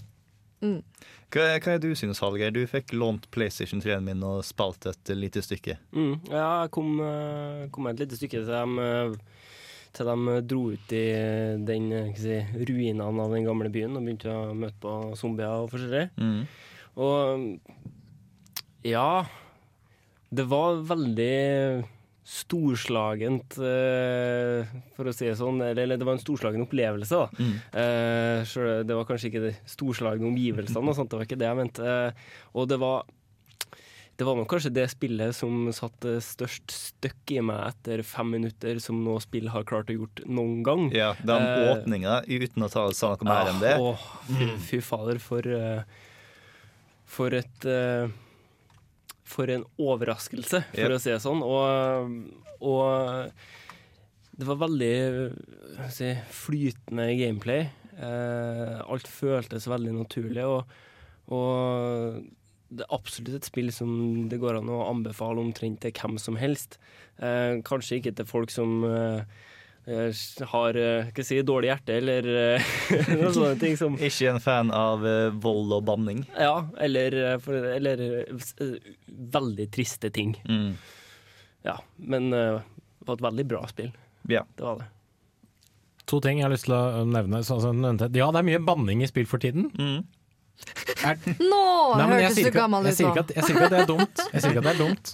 men er det bra? Det er noe unødvendig banning. Ja, det, det er veldig mye unødvendig det, det er no, noe sånn som at uh, Se, jeg sa fuck i den setningen her bare for Se at så moden jeg er. øh, Jeg kan si fuck. Ja, det her er 18-årsgrense, liksom. Deal with it. Fordi, fordi en, ting jeg, en ting jeg så blant annet på Reddit etter at Last of Us var kommet ut, var det at det var masse bilder av hun uh, Ellie. Ellen Page, ja. Uh, Ellie, takk. Eh, hvor det bare sto eh, 16 år gammel jente banner som en sjømann, for eksempel. Mm. Eh, det, det er litt rart at det bannes så mye i dataspill for tiden. Vel, I The Last Fuzz gir det mening. Eh, Du har en del andre spill, f.eks. GTA gjeng overboard fordi at det er mer sånn Jeg har lyst til å være voksen når jeg er 13 år gammel voksen. Eh, jeg tror faktisk et av de første spillene jeg opplevde banning i, eh, det var tror jeg var Gears of War. Første Gears of War-spillet. Der det på en måte Jeg har vært veldig sånn tatt på senga av det. For det var, det var bare noe litt kjipt som skjedde med Marcus Phoenix, og så bare ropte han 'fuck'! Mm. Og da ble jeg bare sånn Hæ? Kan du, Kan du kan, du si det? Er det lov? Conquers Bad Fur Day, er ikke det?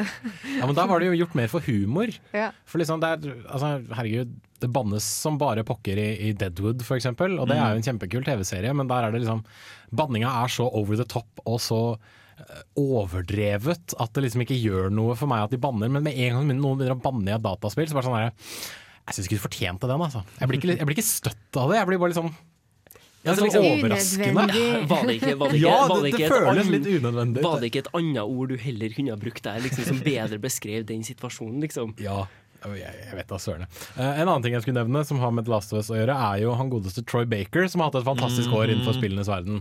Uh, han spilte jo i Resident Evil 6, selv om Resident Evil 6 var et ganske skittig spill. Åh, så, var han jo, så var han jo en OK figur. Han gjorde en veldig god rolle som Booker DeWitt i uh, Bioshock Infinite. Han er jo Joel i The Last of Us. Han er den nye jokeren og gjør en slående Mark Hamill-etterligning. Uh, Syns jeg, i hvert fall. Så uh, kudos til Booker DeWitt, for, nei, Booker DeWitt sier jeg til eh, Troy Baker for liksom spillgenerasjonen som har vært. Her har vi for øvrig en annen Troy Baker fun fact. Har du spilt eh, Persona 4, så er han kanji. Ja, han er litt sånn småfemi Litt små Sup Superbarske småfemi. Yep. Ja. Stiligste karen ever, skal jeg si. Hva skal han også gjøre stilig? Tallet fem! Nummer fem The Walking Dead av Telltale Games. We can't take risks like this. And we can't just let people die either. When I say that door stays shut no matter what, I fucking mean it. We don't know who these people are. They could be dangerous. Spillene basert på Robert Kirkmans tegneserie våget å gjøre det få zombiespill har gjort før. I The Walking Dead er det menneskene som er den største trusselen mot din tilværelse. Den første sesongen av spill fra Telltale handler i langt mindre grad om å sløye zombier, men fokuserer heller på valgene du tar for at gruppen skal overleve. Hvordan fordeler du mat til syv personer når du kun har nok til tre? Hvem redder du når du kun kan redde én følgesvenn? Hvilken side står du på i den pågående krangelen? Alt dette er ting du må ta stilling til når du spiller The Walking Dead. Slik skaper du din egen historie, som utspiller seg i en verden som har gått fullstendig til helvete. We've already seen this happen. We let someone with a bite stay in, and we all end up bitten. Shut up. We gotta throw him out, or smash his head in. Kenny, stop him! Hey, what do we do about this guy? Valg i dataspill har absolutt blitt gjort før, men aldri før har dine valg føltes så virkningsfulle og slagkraftige som i The Walking Dead. Hver episode i spillserien The Walking Dead leverte et emosjonelt mageslag uten like i løpet av hele 2012. Historien om de overlevende var både rørende, forstyrrende og vanskelig på samme tid. The Walking Dead klarte å trå den hårfine balansen mellom håp og fortvilelse i historien sin. En spenning som opprettholdes helt til siste episode er avsluttet. Og apropos kjipe ting! Eh, da jeg satt og skulle klippe denne lille saken her, så måtte jeg jo finne noe musikk, fordi vi må jo alltid ha bakgrunnsmusikk når vi eh, har sånne ferdig innspilte prategreier på radio. Og det første jeg fant, var temalåta til The Walking Dead som spilles over liksom introskjermen, der det står liksom trykk start og alle de greiene der. Da. Og med en gang jeg liksom begynner å høre de der veldig sånn lavmælte Hva skal jeg si? Uh, lavmælte, rolige tonene fra det lydsporet, så kjente jeg at det, det stramma seg i brystet mitt. Det var liksom som om et eller annet bare sånn Alt liksom den der jævelskapen som jeg har opplevd i det spillet, som jeg syns var helt fantastisk, for all del, har liksom bare tok tak i meg. Som bare, OK, nå, nå kjenner jeg det igjen, liksom. Nå, nå er jeg tilbake. Nå må, nå må jeg prøve å legge det fra meg et par minutter. Bare klippe ferdig, og så bare si OK, nå stikker jeg, for nå gidder jeg ikke mer. Det var, det var en utrolig merkelig opplevelse. Liksom bare kjenne alle de tingene bare fum, komme tilbake igjen med en gang jeg hørte den musikken. Mm. Derfor, for mens The Last of Us var en ganske lineær eh, historie hvor du egentlig ikke kunne gjøre noe valg, eh, noe som en del folk var ikke så fornøyd med på slutten av The Last of Us, så er The Walking Dead bare en serie med valg hvordan du må ta og velge mellom kjipt og kjipere. Men det er jo strengt tatt valg som ikke betyr noe, sånn egentlig. Eh, jeg tror vi har diskutert det for litt siden, men det er Det kommer, på, det, kommer an på se på, det kommer an på hvordan du ser på hva det vil si å hva skal jeg si, ta valg i dataspill. Ja, du tar valg, men historien skal likevel det samme stedet. Men det er greia er at det gjør jo ingenting. For hvis du sitter her og velger noen ting og føler at du har gjort valget, Ja, ja. Så har du, da har du på en Mhm. måte gjort det bra, da. Absolutt. Eh, og det ødelegges vel kanskje av bare at du spiller spill en gang til, gjør det andre valget, og det samme skjer. Mhm. Da går det opp for deg at det her faktisk hm, Kanskje jeg ikke hadde så mye å si allikevel. Og illusjonen av valg i The Walking Dead er veldig bra. Det var vel liksom bare etter at folk hadde begynt å spille episodene på nytt igjen, at de begynte å liksom irritere seg litt over Ja. at hei, her, det har ikke så veldig mye å si uansett. Men ja, jeg tror tror, jeg tror i første omgang så var det veldig mange mennesker som ikke tenkte på det. Ja. Ja, nei, det tror jeg. Det tenkte ikke jeg heller. Det som irriterte meg i Walking Dead, kanskje mer, eh, så vidt jeg forsto, enn det det gjorde med dere, eh, er at jeg følte at veldig mye av dramaen var påtatt. Jeg følte at veldig mange valg var sånn Her har vi dytta det inn fordi du skal ta nok et valg, type ting. Og det, det, det irriterte meg litt. Altså ting som blei blåst opp til dimensjoner som jeg ikke Altså Vel, når, du er tatt, eh, når du sitter i et trangt rom med en hel haug med folk som er dritsultne og er sur på alle sammen, så vil alt bli blåst opp til dimensjoner. Oh, jeg, sier, ja, ja, ja, jeg sier ikke at alle valg var sånn, men det var noen som jeg følte var veldig påtatt. Og pluss det så var det en del ting som hadde alternativer hvor jeg ikke ville gjort noen av dem. Det jeg ville gjort, er så åpenbart, men det er ikke et alternativ jeg har. Da velger du bare stillhet, og så lar du spillet velge for deg. Ja, det kan man jo. tenker jeg. Ja, fordi han, eh, Kenny er jo det største rasshølet i hele Altså Alle er jo rasshøl i den serien, for så vidt, bortsett fra kanskje Clementine og Det var, det, det var han fatteren, han. eh, var det han faren? Ja, han bondeknølfaren som, spoiler, mister ungen sin i tredje episode. Um, Fuck. Jævlig kul scene, for så vidt. Uh, og det var litt tilfredsstillende i slutten av fjerde episoden å kunne si Vet du hva? Fuck deg, Kenny. Nå dør du. Nei, han dør ikke. Ikke, ikke, liksom, ikke 'nå dør du', men bare si 'vet du hva, nå er jeg drittlei all den der eh, sytinga til Kenny'. Så, kunne jeg, så, så plutselig dukka det opp, og det sto bare 'fuck you, Kenny'. Ja! tenkte jeg. Kunne ikke trykke på den knappen fort nok. Så det som er så kult med The Walking Dead og Telltale generelt, er at eh, når første episode sluppes ut, så er ikke siste episode ferdig. De har gjort mesteparten av arbeidet, men de kan fremdeles endre en god del ting. Og de tar å endre basert på hvordan folk tar valgene sine, og hva Mm. de tar å se på nettet. Så jeg tror at Fuck you, Kenny var et valg du fikk, fordi at en god del folk var ikke så fornøyd. Jeg tror veldig få fornøyd. mennesker likte Kenny, akkurat som veldig få mennesker likte han uh, college-kiden. Som jeg ikke husker hva heter nå, men uh... Jeg, jeg skal ikke påstå at jeg likte Kenny, men jeg synes han var en interessant eh, karakter. Mm, han stille som Ja. ikke klarte å gjøre en dritt rett, er det han du tenker på? Ja, jeg husker ikke hva han heter. Fordi han, det, han som på toget står og sturer for seg sjøl? Ja. eh, en ting jeg har merka, er at det er veldig mange i The Walking Dead-spillet som har navn som slutter på i-lyden. Du har Lee, Kenny, uh, du har eh, Faen om jeg liksom Og det var det.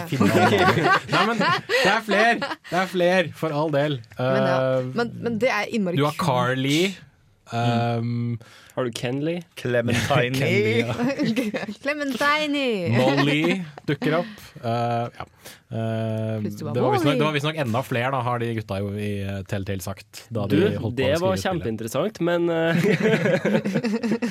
Men ja, men det med episodene er kult. At Mm. de ser an hva folk gjør for noen ting, og utvikler valgene av det. Det er dritkult. Og du kan også se når du er ferdig med episoden, hva du valgte i forhold til hva andre, alle andre har valgt. Veldig oversiktlig. Uh, og det, jeg fikk meg noen slag i trynet der. Ja. Jeg var ikke gjennomsnittlig i det hele tatt. Så ja. Men jeg, for all del, jeg likte spillene veldig godt. Men det var veldig Det var tider hvor jeg følte at dramaen var så amerikansk TV. Uh, Ja. ja. Men det, det som er litt fint med Telltale sine spill, det er som TV-serier, fordi at de eh, er episodiske. Mm. Hva skal jeg tid for nå? Nå tar vi tida for et musikalsk avbrekk. Du har funnet tak i noe, du, Jens Erik? Ja, det har jeg. Fordi han, eh, vi er veldig glad i Miracle of Sound eh, her eh, i Kontroll Tillit. Eller jeg er veldig glad i Miracle of Sound. Gavin Dunn, som det også heter. Søk han opp på Bandcamp, miracleofsound.bandcamp.com. Som lager musikk basert på dataspill. Og han har selvfølgelig laget en låt basert på The Walking Dead-spillene, som den er ikke like deprimerende som avslutningen av eh, The Walking Dead, sånn, så absolutt ikke. Men uh, nesten, i hvert fall. Uh, og jeg tror den er skrevet sånn fra uh, Lee sitt utgangspunkt, og den heter The Best I Can. Innocence is wasted.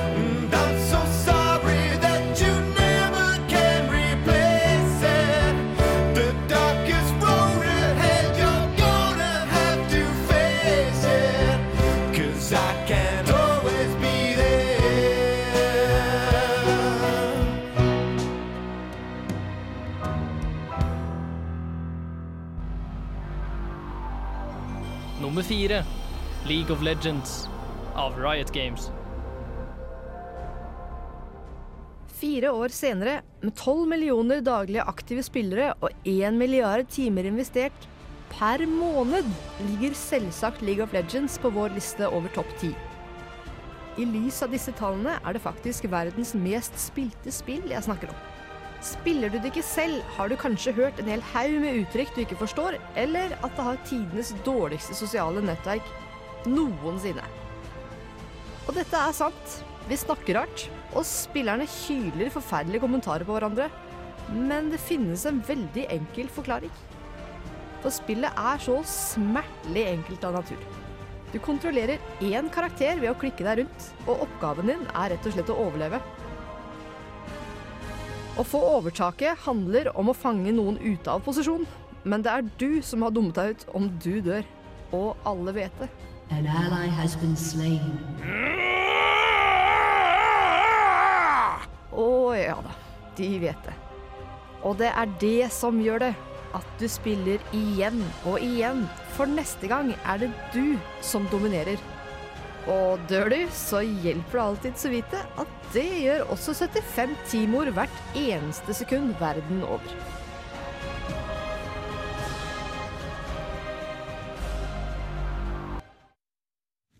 Der har du nummer fire, som var League of Legends. Og jeg tror at det var kun i og Sondre som ikke har det på våre personlige lister. Jeg kan ikke si at jeg er spesielt stor fan av Mobas. Men den passa vel naturlig inn, i hvert fall i Jens Eriksen liste, da. i hvert fall. Visst pokker at den gjorde, selv om jeg hadde litt lyst til å ha Dota der. Eh, Men Dota dukka jo opp i løpet av Ja, nettopp. Dota er gammelt, og dukka opp i forrige, løpet av forrige spillgenerasjon, Mm, eh, mm. med Warcraft 3.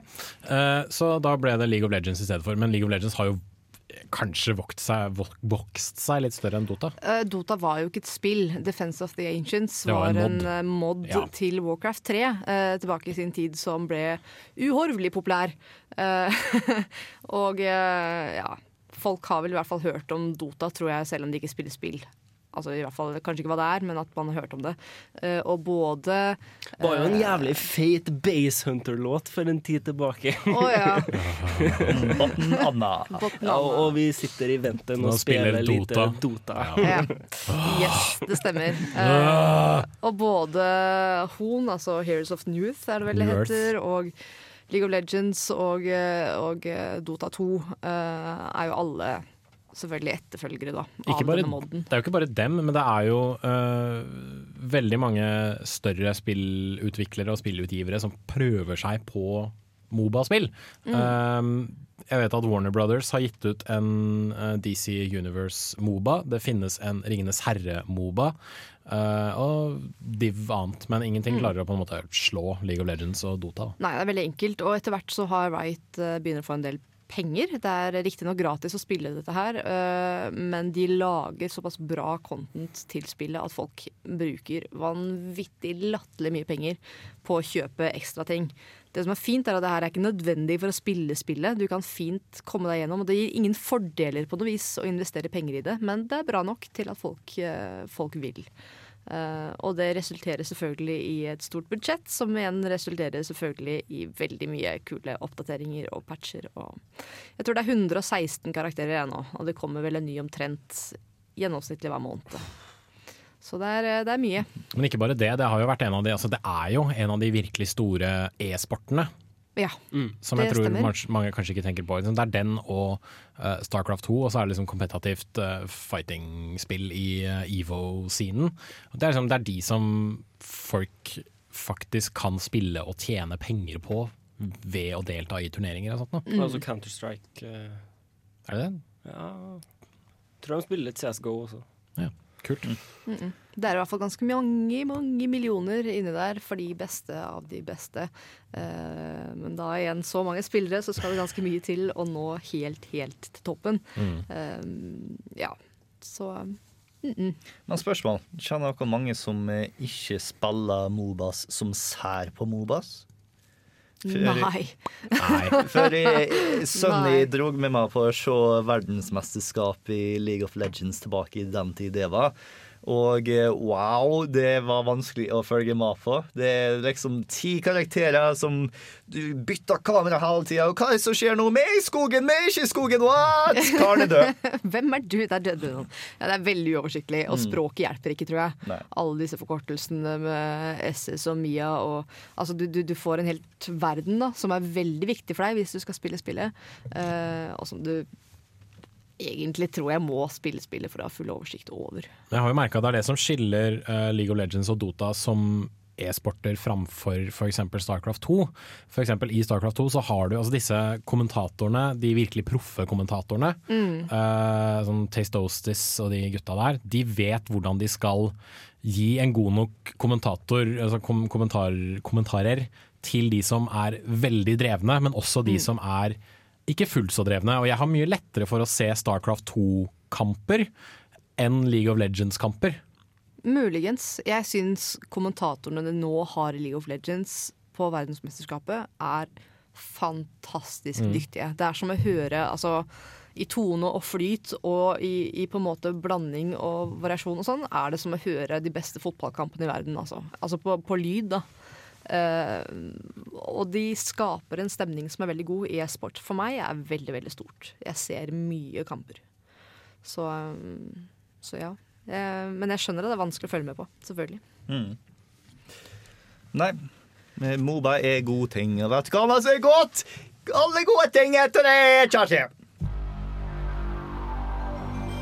Nummer tre, Bioshock av Irrational Games. In the end, what separates a man from a slave? Money? Power? No. A man chooses. A slave obeys. Med seks små ord har hele handlingen blitt snudd opp ned. Med seks små ord innser du at alt du har gjort, ikke har vært av fri vilje. Would you kindly get this? Would you kindly find that? Would you kindly find that? Would you kindly find? Would you kindly get this? Would you kindly head to Ryan's office and kill the son of a bitch? Du har vært en slave, et våpen, et verktøy for den onde Frank Fontaine, som har brukt deg for å kunne ta over makten i undervannsbyen Rapture. Bioshock var på mange måter et banebrytende spill som satte standarden for historiedrevne førstepersonsskytere etter utgivelsen i 2007. Spillet druknet i symbolikk, atmosfære, politikk og filosofi, samtidig som det hadde mye å si om hvordan vi opplever og kontekstualiserer valg og historieforløp i spill. Der de fleste skytespill fokuserer på voldsomme skytescener, stort spetakkel og konstant action, valgte Bioshock å bygge en fiksjonsverden som var interessant å utforske og lære seg å kjenne. Byen Rapture var både et fristed og et postapokalyptisk helvete, avhengig av hvordan du vred og vendte på situasjonen.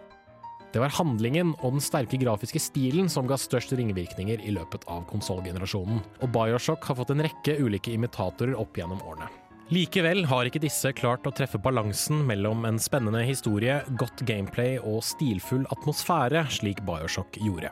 Turen gjennom Rapture var fylt med spenning, skrekk og mye galskap, men vi reiser gjerne tilbake igjen og igjen.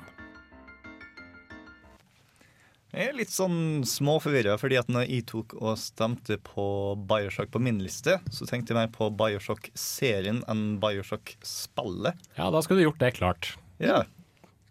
I, uh, OK, sure. Jeg vil bare si at Bioshock-serien er awesome. Jeg tenkte spesifikt på Bioshock Infinite.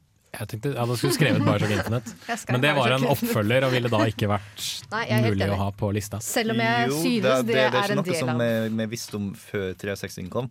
Mm. Så det er jo en del av, i hvert fall. Mm. Det er sant. Eh, Bioshock. Selv om jeg er fornøyd da med det.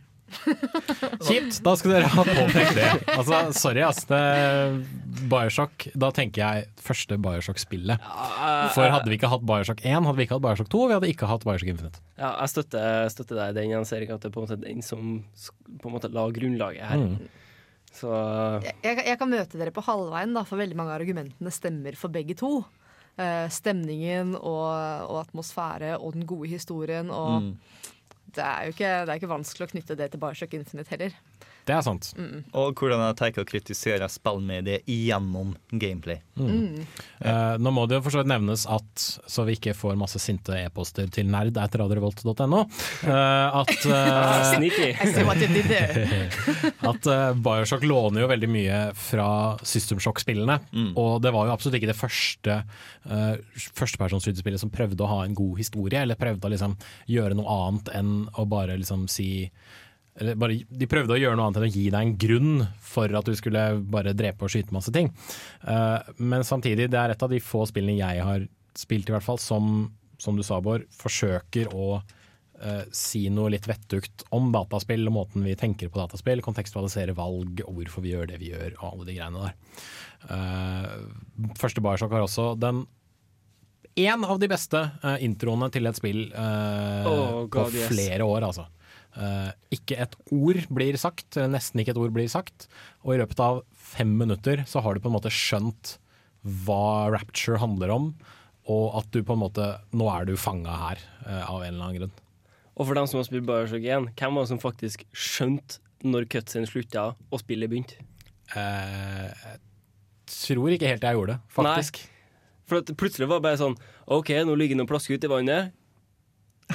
Skal det skje noe? OK, kule flammer. Hva? OK, hva skjer nå? Å, faen, har du budt?! Er det her grafikken, liksom? Herlig. Nei, for eh, det som eh, Bioshock 1 i hvert fall tok og kritiserte spillmediet på, var hvorvidt vi tar å velge eh, Hei, Astrid. Astrid kom inn døra med kaffe. Uten å ta og spoile altfor masse, så er det Tusen takk. Så er det ja, Tusen takk for det. Ha det, Astrid. Ha det, Astrid. Takk for avbrytelsen. du Yes. Mm. Jeg har et poeng, og så kom det kaffe i trynet. Ja. Ble du sint? Du sa noe om at eh, Jeg har jo på en måte, spoil jeg har jo på en måte spoila det litt i uh, introen min. Uh, would you kindly, uten å spoile for masse der nå, så uh, tar det å endre eh, Endre din oppfattelse på hva, du gjør, og hvorfor du gjør det i løpet av et spill. Og eh, det som var veldig kult med Bioshock Infinite, var constants and variables. Mm. eh, som jeg ikke har lyst til å spoile for masse av, men eh, hvor historien og eh, måten du og eh, alle andre tar og spiller spillet på, tar og gir Du må slutte å komme inn, Astrid, når Bård prater! Du ødelegger flyten hans, du ødelegger poengene hans. Det er ikke min skyld at han ikke ser fremover. Ja, men Jo, nei, men likevel. Det er du som avbryter han. Ta det som et kompliment. Men, eh, Kom til sendingen vår for å høre på. En ting som vi ikke har nevnt, som Bioshock kanskje ikke eh, oppfant i og for seg, men som de vil til en viss grad populariserte, er jo disse audiologgene. Mm. Og ja, det er veldig usannsynlig at en person står og eh, forteller inn i en mikrofon om de siste sekundene av sitt liv, og så bare finner du den på et eller annet tilfeldig sted. Men det var en ganske spennende måte for Irrational Games å gi deg bakgrunnshistorien om Rapture framfor å liksom bare hva skal jeg si, mate den til deg gjennom en eller annen sånn tekstcrawl eller et eller annet sånt. Du, du bare sånn pang, der var du. Du var i Rapture, og sakte, men sikkert så fikk du liksom flere og flere biter av mysteriet. Du skjønte at å ja, her kommer Big Daddies fra, sånn ble de skapt, sånn var liksom den første prototypen, etc., etc. Sånn skjedde liksom borgerkrigen, her er oppdagelsen av Adam og liksom sånne ting. Det, det er liksom den ekstra spissen over liksom det som allerede var et veldig stilig og stemningsfullt spill. Det som er kult med historiefortellinga, er at sånn 95% av den skjer mens gameplay skjer. Du, Mm. Det blir ikke avbrutt, og det blir lagt opp til spilleren sjøl å ta og være litt arkeolog og ta og finne tak i historien. Selv om litt av problemet er jo da hvis du plukker opp en audiolog og så blir du angrepet av masse ting, så hører du jo faen meg hva den sier. Fordi Det er du sant. hagler folk i ansiktet, liksom. Selv om lyden ble veldig dempa. Du hørte på en måte Ja. audiologen mye tydeligere, men det var noen ganger jeg fikk avbrutt den, og Det det, er litt vanskelig å følge med. Ja, det er litt vanskelig å følge med, men samtidig så får det den biten med at det passer til spilleren som bare har lyst til å løpe gjennom fordi spillet er gøy å spille.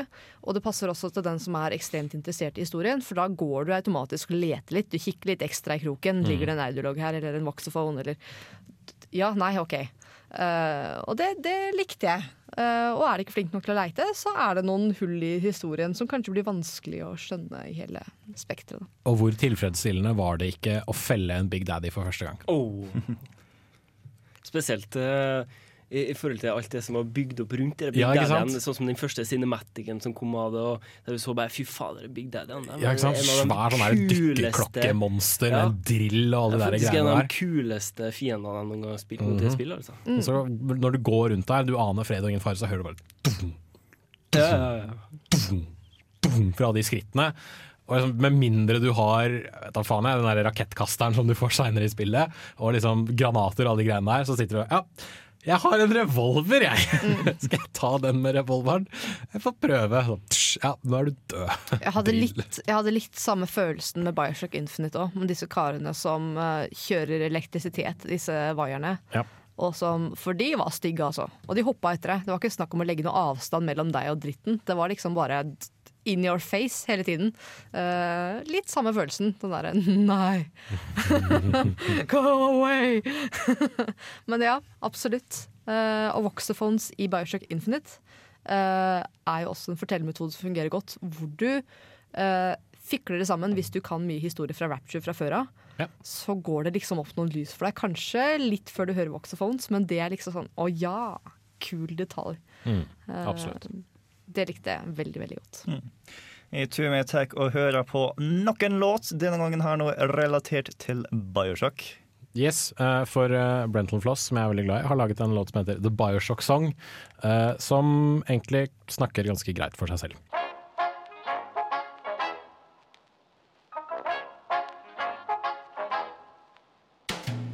Won't you come on down to Rapture? Needle in your arm. It'll slowly corrode your genetical code, but it's all part of the charm. Nummer to, Portal av Valve. Hvem skulle tro, tilbake i 2007, at når en av spillhistoriens beste samlepakker, The Orange Box, ble sluppet, så var det ikke det neste kapitlet i det høyt respekterte Half-Life 2-universet, eller gjenfødselen av multiplayer-fenomenet Team Fortress 2 som skulle ta verden med storm. Men i stedet den lille, særegne attpåklatten, Portal. Fascinasjonen kan komme av at spillet klarte å fange en humor som mange frykta forsvant sammen med Pack og krigsspillet. Det kunne òg komme av spillets intrikate puzzles, muliggjort av dets banebrytende, men enkle gameplay, som tvingte det til å tenke utafor boksen, og heller tenke med portaler.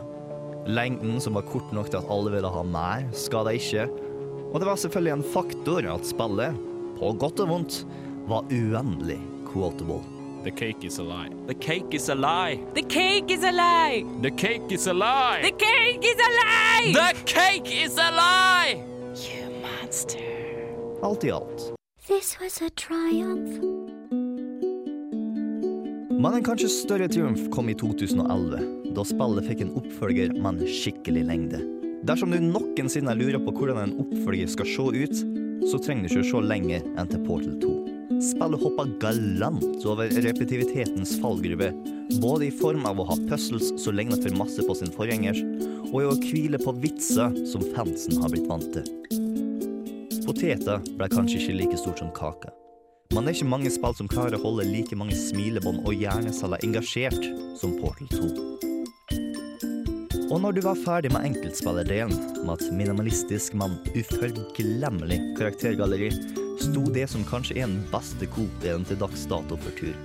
Sjelden lever spillmoduset like godt opp til navnet sitt som når du og kompisen din må slå hodene våre sammen for å komme dere til neste rom. Før 2007 kunne vi ikke forestille oss en spillverden hvor kaker, portaler og passiv-aggressive roboter med nervegass var et sjølfølge. I 2013 kan jeg knapt nok forestille meg en spillverden hvor det ikke er det. Det er vet du, Portal. Koselig, koselig serie. Hvor Eh, drittlei ble vi ikke av kakevitser sånn et par år etter Portal? Det, det, du skulle egentlig ikke et par år til. Det, det, det Et par dager. Det, det var artig i starten, og så var det litt for masse overalt. I dag så føler jeg Den største frustrasjonen min er at veldig mange med kakevitser ikke har spilt Portal 1. Mm. Det, har- de har bare nettopp det. de har fått, fått det med seg gjennom Oi, nettet kult. og memer og sånne ting. Mm. Veldig lett For vits å eksempel dra. Astrid, som fortsatt er inne i studio, forresten. Vi snakker til deg, Astrid, Her, eh, Ja, og til du, alle ja. andre, alle andre der ute. Men jeg likte veldig godt eh, det lille karaktergalleriet vi har i Portal 2, eh, som egentlig var sånn fire-fem karakterer, men fremdeles så utrolig godt gjennomført. Eh, Du har Glados, selvfølgelig. Du har Wheatley, spilt av den fantastiske Steven Merchant. Eh, Du har Hva er det han eh, Cave eieren Cave Johnson. Cave Johnson av, Oh, yeah. som ble spilt av JK Simmons. Du har Kjell som holdt kjeft, og du har et par sånne sånne små Peabody, Atlas Peabody og Atlas, ja. ja Mm. De er også karakterer. Eh, Som er, de har ikke stemmer, men de er så utrolig godt animert når du er i Coop-delen. De har en del personlighet til seg Ja. ellers. De har. Fryktelig mye personlighet. Det er Mm. fantastisk. Men Kay Johnson Jeg var så nær her om dagen å kjøpe et sånt derre portrett som du kan henge på veggen med en sensor på. Hver gang du går forbi, så kvolta han et eller annet. Nice, nice. Jeg tror kjæresten min hadde kasta meg ut av leiligheten, men det, Ja, da det var så inn, nært. Ja. Da kan jeg flytte inn hos deg, Hanna. Og det er en del av de kommentarene. Jeg, jeg lå nesten og rulla. Jeg lover. Det er noe av det, det, er noe av det morsomste jeg har hørt noensinne. Også for en utrolig fantastisk, subtil måte å fortelle en historie om et selskap som gikk dunken. Mm. oh, ja. Fullstendig åt skogen, ja. Mm. Oh, yes. Altså, men, men, du ser ingenting, og du får aldri høre noe direkte, men du hører bare entusiasmen som forsvinner. Ikke sant? Det er det eneste. Men ikke bare, ikke bare det, du går jo også gjennom disse kontorlokalene og Ja. ser dem gå fra sånn 1930-40-tallet, ikke sant? Mm, og så sakte, men sikkert ser du at å ja, etter hvert som det blir modernisert, så blir sånn standarden dårligere og dårligere og dårligere. Mm. Men det er litt den der, det er en underlig følelse å spille gjennom et helt spill. Du, du møter ingen andre. Du vet du er alene. Du er alene hele tiden. Og så er det disse stemmene på dette announcer speaker-systemet som, som går og durer. Og det er veldig underlig. Det er en veldig, veldig spesiell følelse. Men nå fokuserer vi utelukkende på Portal 2, Det gjør vi. det som. Portal 1 var jo, jeg vil påstå, en hva skal jeg si, øvelse i minimalistisk spilldesign. Mm. Og jeg tror ikke jeg kan gjøre den setningen mer petansiøs. uh, men fordi altså Portal 1 i veldig stor grad er nesten kun spillmekanikk. Mm. Det er litt sånn Tetris. Det er, liksom, det er kun spillmekanikk, og hvordan du kan bruke den spillmekanikken til dine fordeler. Altså, ja, de krydrer jo inn historie liksom, med han Ratman og dette kakegreiene og Glados og alle de greiene der, men du kan, liksom, du kan fjerne alt det og likevel ha et forbanna bra uh, gåtespill. Mm. Og så, og så ligger det på en måte også et bakteppe over det her. ikke sant? For at de aller fleste av oss, antar jeg, vi spilte faktisk gjennom Half-Life episode 2 før vi spilte Portal. Eller det var det, det, Altså, jeg har ikke noe tall på det her, men jeg vil anta at mer enn halvparten gjorde det. Jeg spilte Og- Portal først, men jeg spilte Portal først for sånn tre år siden. Ja, OK, men uansett, da. Så, så helt på slutten av Half-Life 2 så får vi se ah, Aperture. Hva faen er det her for noe? ikke sant?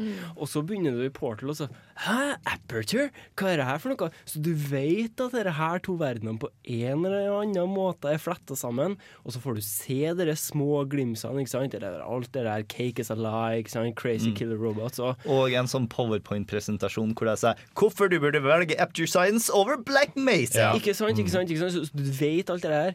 Og så helt på slutten i Portal 1, og jeg, jeg føler ikke det er en spoiler, men å, du dreper GLaDOS, og du sprenges ut av hele skitten, ikke sant? Og så Hæ? Hva skjer nå? Og jeg tror det var vel veldig mange som tenkte at dette her kom til å bli en tie-in til det neste Half-Life-spillet mm. før Portal 2. Der ble vi jo skuffa eller glad, alt ettersom hvordan du ser på det, men mm. men det, det syns jeg også er en veldig spennende ting. da Mm. Hvordan kommer dette her til å på en måte på, på et eller annet tidspunkt må du bare knytte det sammen. Og Det som er veldig interessant med Portal, er at det er liksom et spill som er vanskelig å ha gjort på en tidligere konsoll.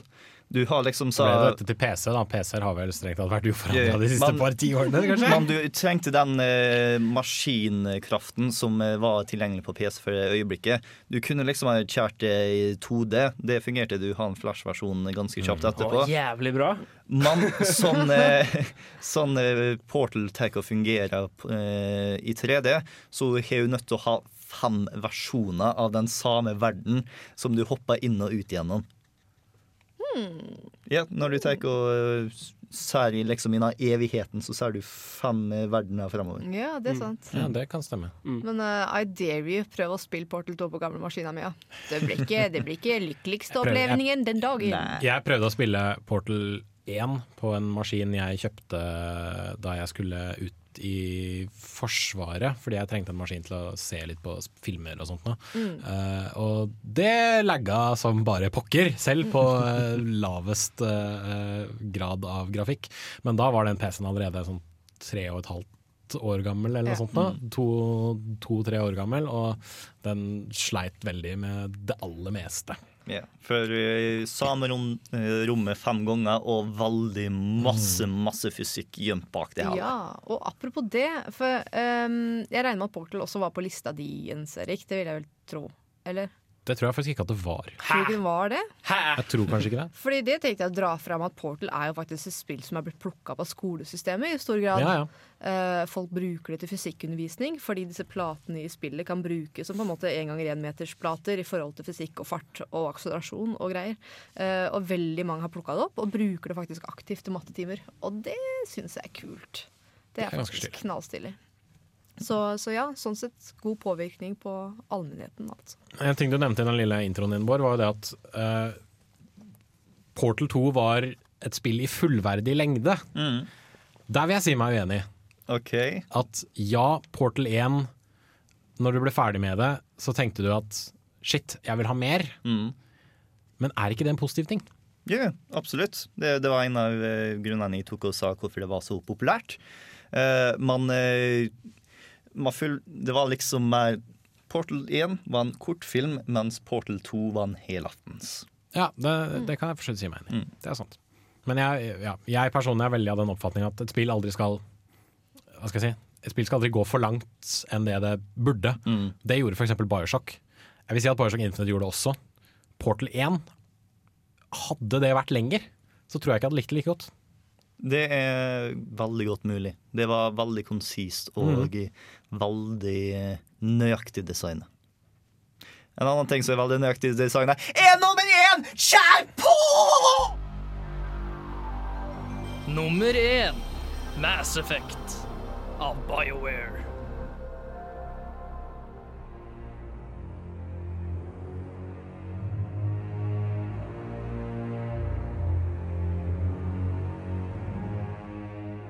I en tenkt fremtid hvor menneskeheten har funnet ut hvordan vi kan reise raskere enn lysets hastighet, oppdager vi at vi ikke er alene i universet. Det finnes nemlig mange andre raser av intelligente romvesen som lever sammen i et noenlunde fredelig fellesskap. Det er utgangspunktet for BioWares mesterverk Mass Effect. Freden som man opplever, er dog trua av både rompirater, terrorister og indre stridigheter. Og når en udødelig maskinrase truer med å utslette alt liv i hele galaksen, kan det virke som om håpet er ute. Heldigvis finnes det en løsning. Well, what about Shepard? Earthborn, but no record of his family. Doesn't have one. He was raised on the streets, learned to look out for himself. He saw his whole unit die on a cruise. He could have some serious emotional scars. Every soldier has scars. Shepard's a survivor. Commander Shepard. En av spillhistoriens mest ikoniske hovedpersoner, som sammen med sine uforglemmelige medhjelpere reiser rundt i galaksen og slåss mot både superskurker, kjemperoboter og romvesen.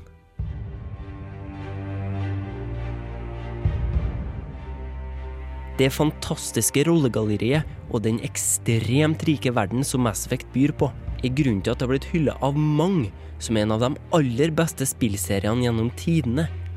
Og det er grunnen til at den havner øverst på pallen i Kontroll Alt Elites liste over de ti beste spillseriene i den siste spillgenerasjonen.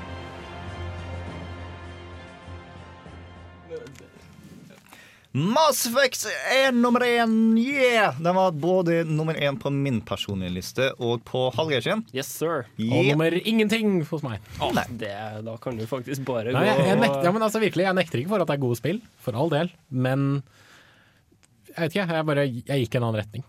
Rett og slett. Det gjorde jeg. Skal vi bare si med en gang at uh, gjøre det helt tydelig at vår liste er regna ut etter poeng. Eh, Ja. Vi rangerte personlig 1 til 10, eh, og på førsteplassen vår fikk 10 poeng, andreplassen fikk 9 poeng osv. Så, videre, og så, så de som har havna på toppen, er veldig da tydelig eh, spill som har dukket opp i flere av listene våre. Da. Mm. Så det han har prøvd seg, er. Kom etter oss, bro. Jeg lurer på om jeg skal, vet du hva? Jeg skal faktisk finne fram denne lista, og så skal jeg se hvor mange poeng Mass Effect-serien Altså, apropos det poengsystemet, det var jo veldig artig den gangen vi skulle si hvem som var den største spillhelten gjennom tidene. Mm. For det var jo Link, og han havna ikke på førsteplass hos noen av oss. men han var på sånn andre, tredje, Ja, fjerdeplass hos alle. Mm. Og det bety må jo nødvendigvis bare bety ja, Han er jo tydeligvis best. Det er i hvert fall størst enighet. Ja. Det var ikke så stort spenn da, mellom eh, plass nummer én og plass nummer to. Det som skilte Mass Effect og Portal, var to poeng. Mm. Mass Effect endte opp med 37, og Portal endte opp med 35. Uh, Bioshock, som kom på fjerde, tredjeplassen, endte opp på 29 poeng. Så der var liksom spennet relativt stort. Mm. Da. Eh, så ja. Mass Effect uh, Apropos konstante og variabler. Yeah. Der er det mye variabler, der. Oh yes. Og de er så sjukt flinke til å, å holde styr på det hele. Det er liksom De valgene du gjør i Masfekt 1, følger fremdeles i Masfekt Effect 3. Den karen du ikke ville ta og skrive autograf til i eneren, kommer tilbake i treeren. og- Conrad Werner. Yeah. Jeg stappa en pistol i trynet hans, jeg. Han var så forbanna irriterende. Ah, en jævel, liksom. Men jeg tror faktisk jeg aldri eller Jo, jeg møtte han kanskje i Mass Effect 3. Husker jeg ikke. Det var noen mennesker som jeg visstnok skulle ha møtt i Mass Effect 3, som jeg aldri møtte av en eller annen merkelig grunn. I don't know why. Wrong place, wrong time. Kanskje. Kanskje. Anyway. Uh, det er, men også hele den derre over, altså, overføring av fremgang fra et spill til et annet har vel skjedd før Mass Effect, tror jeg. Ja, Baldur's Gate eh, Ja. hadde vel faktisk det. Og litt sånn derre sånn import- Igjen BioWare-spill, da. Men Ja, og litt, men litt sånn der import av eh, en spillfigur du har lagd et sted, og du kan ta med han videre. Uh, sånne ting. Men dette var liksom, jeg tror dette var første gangen at det var blitt gjort i så stort Eller kanskje ikke første gangen, nå snakker jeg litt ut av ræva mi her, men det var liksom Det ble gjort i så stort skala, da. Mm. Rett og slett. Og det at eh, kanskje ikke absolutt alle beslutningene dine hadde en umiddel, altså en, hadde en stor konsekvens, men du fikk i hvert fall alle disse valgene du måtte gjøre, så, måtte de, så sa egentlig spillet bare her, lag din spillhelt. Vi gir deg det vi føler er eh, anførselstegn riktig belønning, eh, eller feil, alt ettersom. Og så styrer du eventyret ditt sjøl. Og så kan du velge om du har lyst til å være galaksens eh, store goody two-shoes mm. posterboy, eller om du skal være galaksens største drittsekk, men som av en eller annen merkelig grunn eh, får folk til å like seg likevel, og som klarer å få jobben gjort. Jeg flipfloppa veldig mellom de to tingene, fordi i Mass Effect 1 så var jeg vel stort sett en hyggelig fyr med litt sånne drittsekktendenser. I Mass Effect 2 så tenkte jeg at ok, nå har Shepherd blitt bygd opp igjen. Noe har gått feil i, uh, liksom, i, i reinkarnasjonen, holdt jeg på å si. Et par sånne her, eh, ledninger som har blitt kryssa, så da begynte jeg å gå veldig sånn renegade-style. fordi jeg hadde lyst til å prøve å se hva som skjedde da jeg gikk liksom rent renegade. Og så da i Mass Effect 3 tenkte jeg at vet du hva, nå har på en måte Shepherd skjønt at hvis han ikke skjerper seg, så kommer alt til å gå til helvete. Så nå må vi prøve å være litt sånn good guy igjen, men ha lov til å ha noen drittsekktendenser.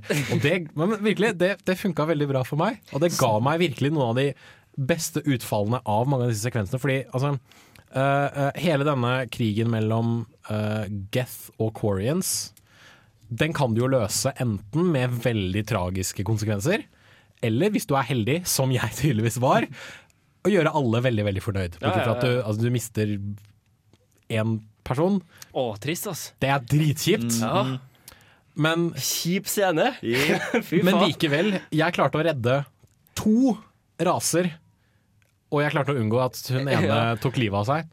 Og, og, og i den scenen, om jeg ikke husker helt feil, så er det litt ålreit, for at der redder du dem med å være litt sint. Og, og det, er, det er kanskje et lite sånn aber jeg har med Mass Effect. At det er på en måte sånn Det er så lett å gå gjennom og bare være snill. Ikke sant? Og så bare Nei, nø, nø, nø, nø. nei, jeg skal være kompis med alle. Mm. Jeg skal rydde alle. Ikke sant? Det, det er veldig få tilfeller der du føler at du må Du må liksom gutse litt, eller at du må gjøre et skikkelig vanskelig valg egentlig. Eh, og det er litt synd, men fy fader, da, for et spill. Mass Effect 2. Åh, good game, ass. virkelig. Det er liksom, når jeg spilte Mass Effect 1, så var jeg sånn Wow, dette spillet er fantastisk. Og så kommer Mass Effect 2, og så bare sånn Wow, hva var Mass Effect 1 holdt på med?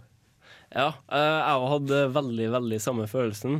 Eh, jeg husker Det gikk ganske lang tid før jeg spilte Mass Effect 1, men så var det liksom sånn Ja, jeg kan jo prøve dette spillet da, som er så mange som, eh, som snakker om, og så runda jeg i løpet av ei helg og hadde preorder av Mass Effect 2 liksom med en gang. Fy faen, bare Oh my god, det her er noe av det beste jeg noen gang har spilt, liksom. Og den starten på Mass Effect 2 blew my fucking mind, ass.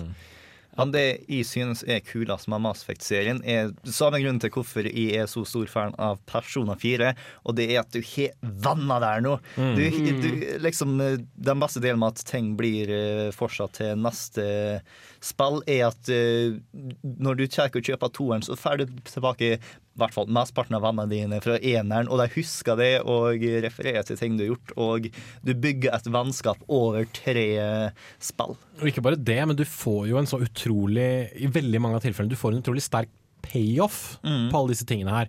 Og eh, sånn, Noen av dem må du jo ofre, noen av dem dør jo selvfølgelig. Men altså, eh, i Mass Effect 3 for eksempel, når du er på den svære Krogan-planeten, Mm. du skal opp i det derre tårnet, og plutselig så eh, bryter uh, Nå husker jeg selvfølgelig ikke hva han heter, han vitenskaps... eh, Morgan. duden. Ja bryter ut i gråt. Han fyren som har liksom vært den liksom, med den kjappeste replikken, bokstavelig talt, og liksom det letteste sinnet og liksom alle de tingene her. Han bare smeller hendene i bordet og sier at vet du hva, jeg gjorde en feil, jeg vil gjøre opp for det. Og liksom bare sånn mm, Faen, helvete! Så liksom, ah, tårer, tårer. Det var utrolig Alt, alle de spillene er sinnssykt godt skrevet. Selv om kanskje ikke designet er sånn 100% i alle av dem. Ja, ja, men uh, altså det, det, det er persongalleriet som er virkelig, virkelig styrken Mm. til Mass Effect. Og, og det, det, det, lager, det lager et spill der du virkelig bryr deg om personene på laget ditt. Mm. Og det er ikke så veldig mange spill som har gjort uh, for meg, altså, som, som gjør at jeg oppriktig talt bryr meg om deres velferd. Ja. Ikke sant? Og at du gjerne har lyst til at Du har gjerne lyst til at alle skal overleve, Ja. eh, selv om det dessverre ikke er mulig. Ja, og, det, og det, det føles sykt kjipt når det skjer. Men det er nesten ikke sånn at jeg har lyst liksom, til å, til å savescumme det heller. For jeg følte at at det her var den avgjørelsen som jeg Mm. tok. Og det, det er på en måte det, det mest organiske spillet som jeg kunne få til. Den beste opplevelsen jeg kunne skape. Ikke sant? Og, og fy faen. Nei, for, for et spill, altså. Og multiplayer-delen i eh, episode, episode sier jeg, i, i treeren er faktisk ganske bra. Det er for dritbra! Virkelig. Så jeg bør spille Mass Effect, er det det dere prøver å Ja. Altså, tips hvis du skal, tips hvis du skal liksom gå rett på Mass Effect 1, det er å min-maxe ganske kraftig. Sleng alt du, har, alt du får av sånn build-poeng i et par traits, uh, typ heavy armor uh, Assault rifle blir ganske Heavy armor, assault rifle, hvis du er soldier i hvert fall. Og liksom speech skills og sånne ting. Liksom min-max på de tingene. Så kommer du deg gjennom det ganske fort. Opplev historien. Skit litt i gameplayet, for det er litt sånn her Ja, og, og, eh, side, og sidequestene kan jo faktisk ikke drit eh, ganske Ja, i. Mass Effect 1. Altså, du kan det- gjerne plukke opp det der eh, familiepanseret til, Ja. til Rex, fordi det får du veldig uttelling for etterpå. Ja, og så likeens også ta Cerberus-questene, bare for, Mm. for litt sånn Ja, de er litt drittsekker. Eh, nå tar vi et lite musikalt avbrekk med nok en Miracle of Sound-låt. Dette her er passende nok Commander Shepherd.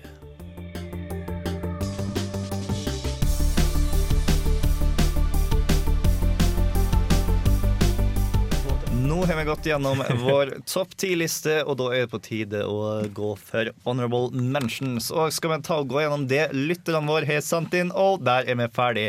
Nerdeterradio.no, folkens. Kom an, det er ikke så vanskelig. Vi fikk jo tre likes på Facebook. Hvordan yeah. har det sånn at vi ikke fikk noen Jeg tror de likesene var våre egne. Det kan ha vært våre egne. Uh, mann, uh, Hallgeir, hva er det som du føler burde stått på denne lista, her, men som ikke gjør det? Får jeg bare lov til å si én? Én. Har Ok, kort tid. ok, ok. Eh, Da vil jeg si Assassin's Creed. Vi hadde jo en deal. Oh, ja, hadde vi det? Ja. Ok, men da skal, da skal du si Assassin's Creed, hva så? Nei. Åh. Eller Jeg vil si to, og du skulle si den. Nei, jeg bare kjør på. Mm. Assassin's Creed, kjør på. Ok, ja, Assassin's Creed. Eh, en eh, litt sånn en forholdsvis ny måte å, å spille på, som egentlig eh, jeg føler vi ikke hadde sett på de tidligere konsollene på samme på en måte f veldig eh, fluid måte. Veldig yeah. organisk eh, snikespill. Mm. Eh, veldig intuitivt. Mm. Veldig enkelt å spille, men det ser veldig kult ut, alt du gjør. ikke sant? Og yep. det, det er jo en fin ting. Og nå er parkour i absolutt alt, takket være Mm. Assassin's Creed. Jeg vil også si takket være Prince of Persia, som Assassin's Creed spiller veldig på. Men det er det Ja, bare. ja, ja. uh, altså, jeg, jeg skal ikke si at Prince of Persia var lineært, mens Assassin's Creed er sånn parkour er det så du kjemper kommer jeg sier at med. Assassin's Creed fortsatt er veldig lineært. men Altså, er og jeg, jeg skal ikke si at Assassin's Creed var det første spillet som gjorde det her, eller noe sånt, men jeg vil si at Neida. Assassin's Creed gjorde det veldig kult og veldig bra. Absolutt. Det er jeg enig i. I hvert fall Assassin's Creed 2. Ja, altså, jeg, Jeg vil si jeg, jeg syns eneren var bra. Ja, jeg vil slå et slag var, for Assassin's Creed 1 også. Men det var bare at Assassin's Creed 2 tok det eneren eh, gjorde bra, bygga videre på det, og så bare fjerna de elementene som ikke var så bra. Akkurat som Mass Effect 2. Ja. Jens Erik.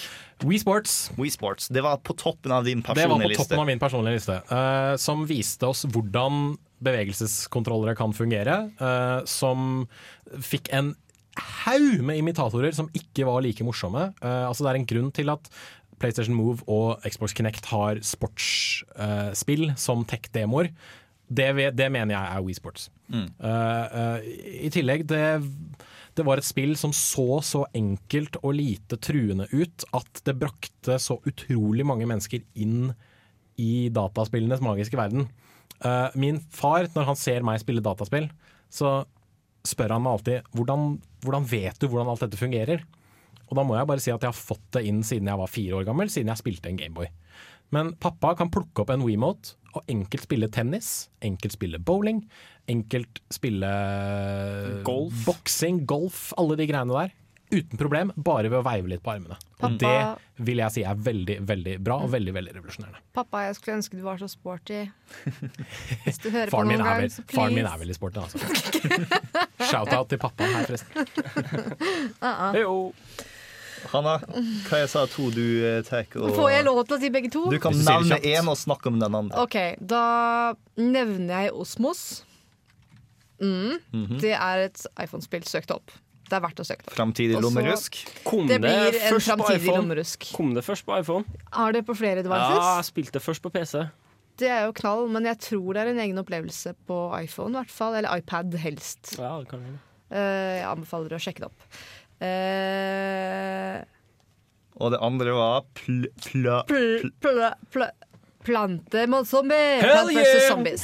Som uh, har en velfortjent honorable mention. Jeg har brukt veldig mye tid på det. Eh, og det også selvfølgelig er på PC, og du kan kose deg med det overalt. Men uh, jeg var ikke happy med toeren. Sorry, Mac. Du har Ingen gjort en jævlig dårlig jobb. Plant vs. Zombies 1. Super polished. Knallbra.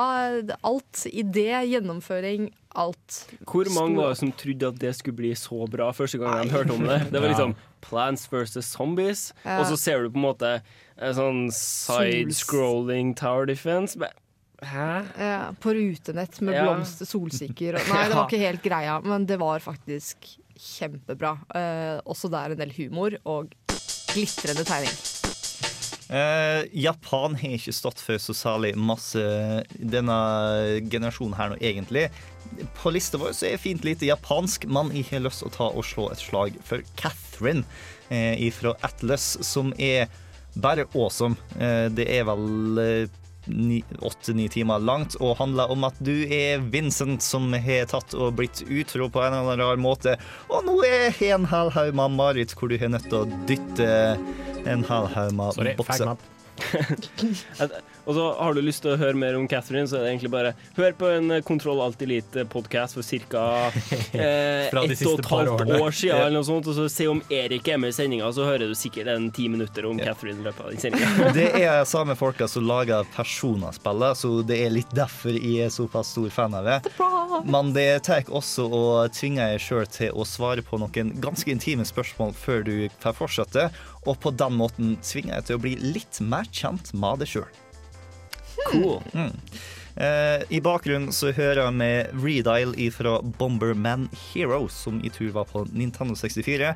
Og det er det siste du får høre oss ifra oss denne uka her nå. Vi tar det neste uke. Ha det bra. Ha det.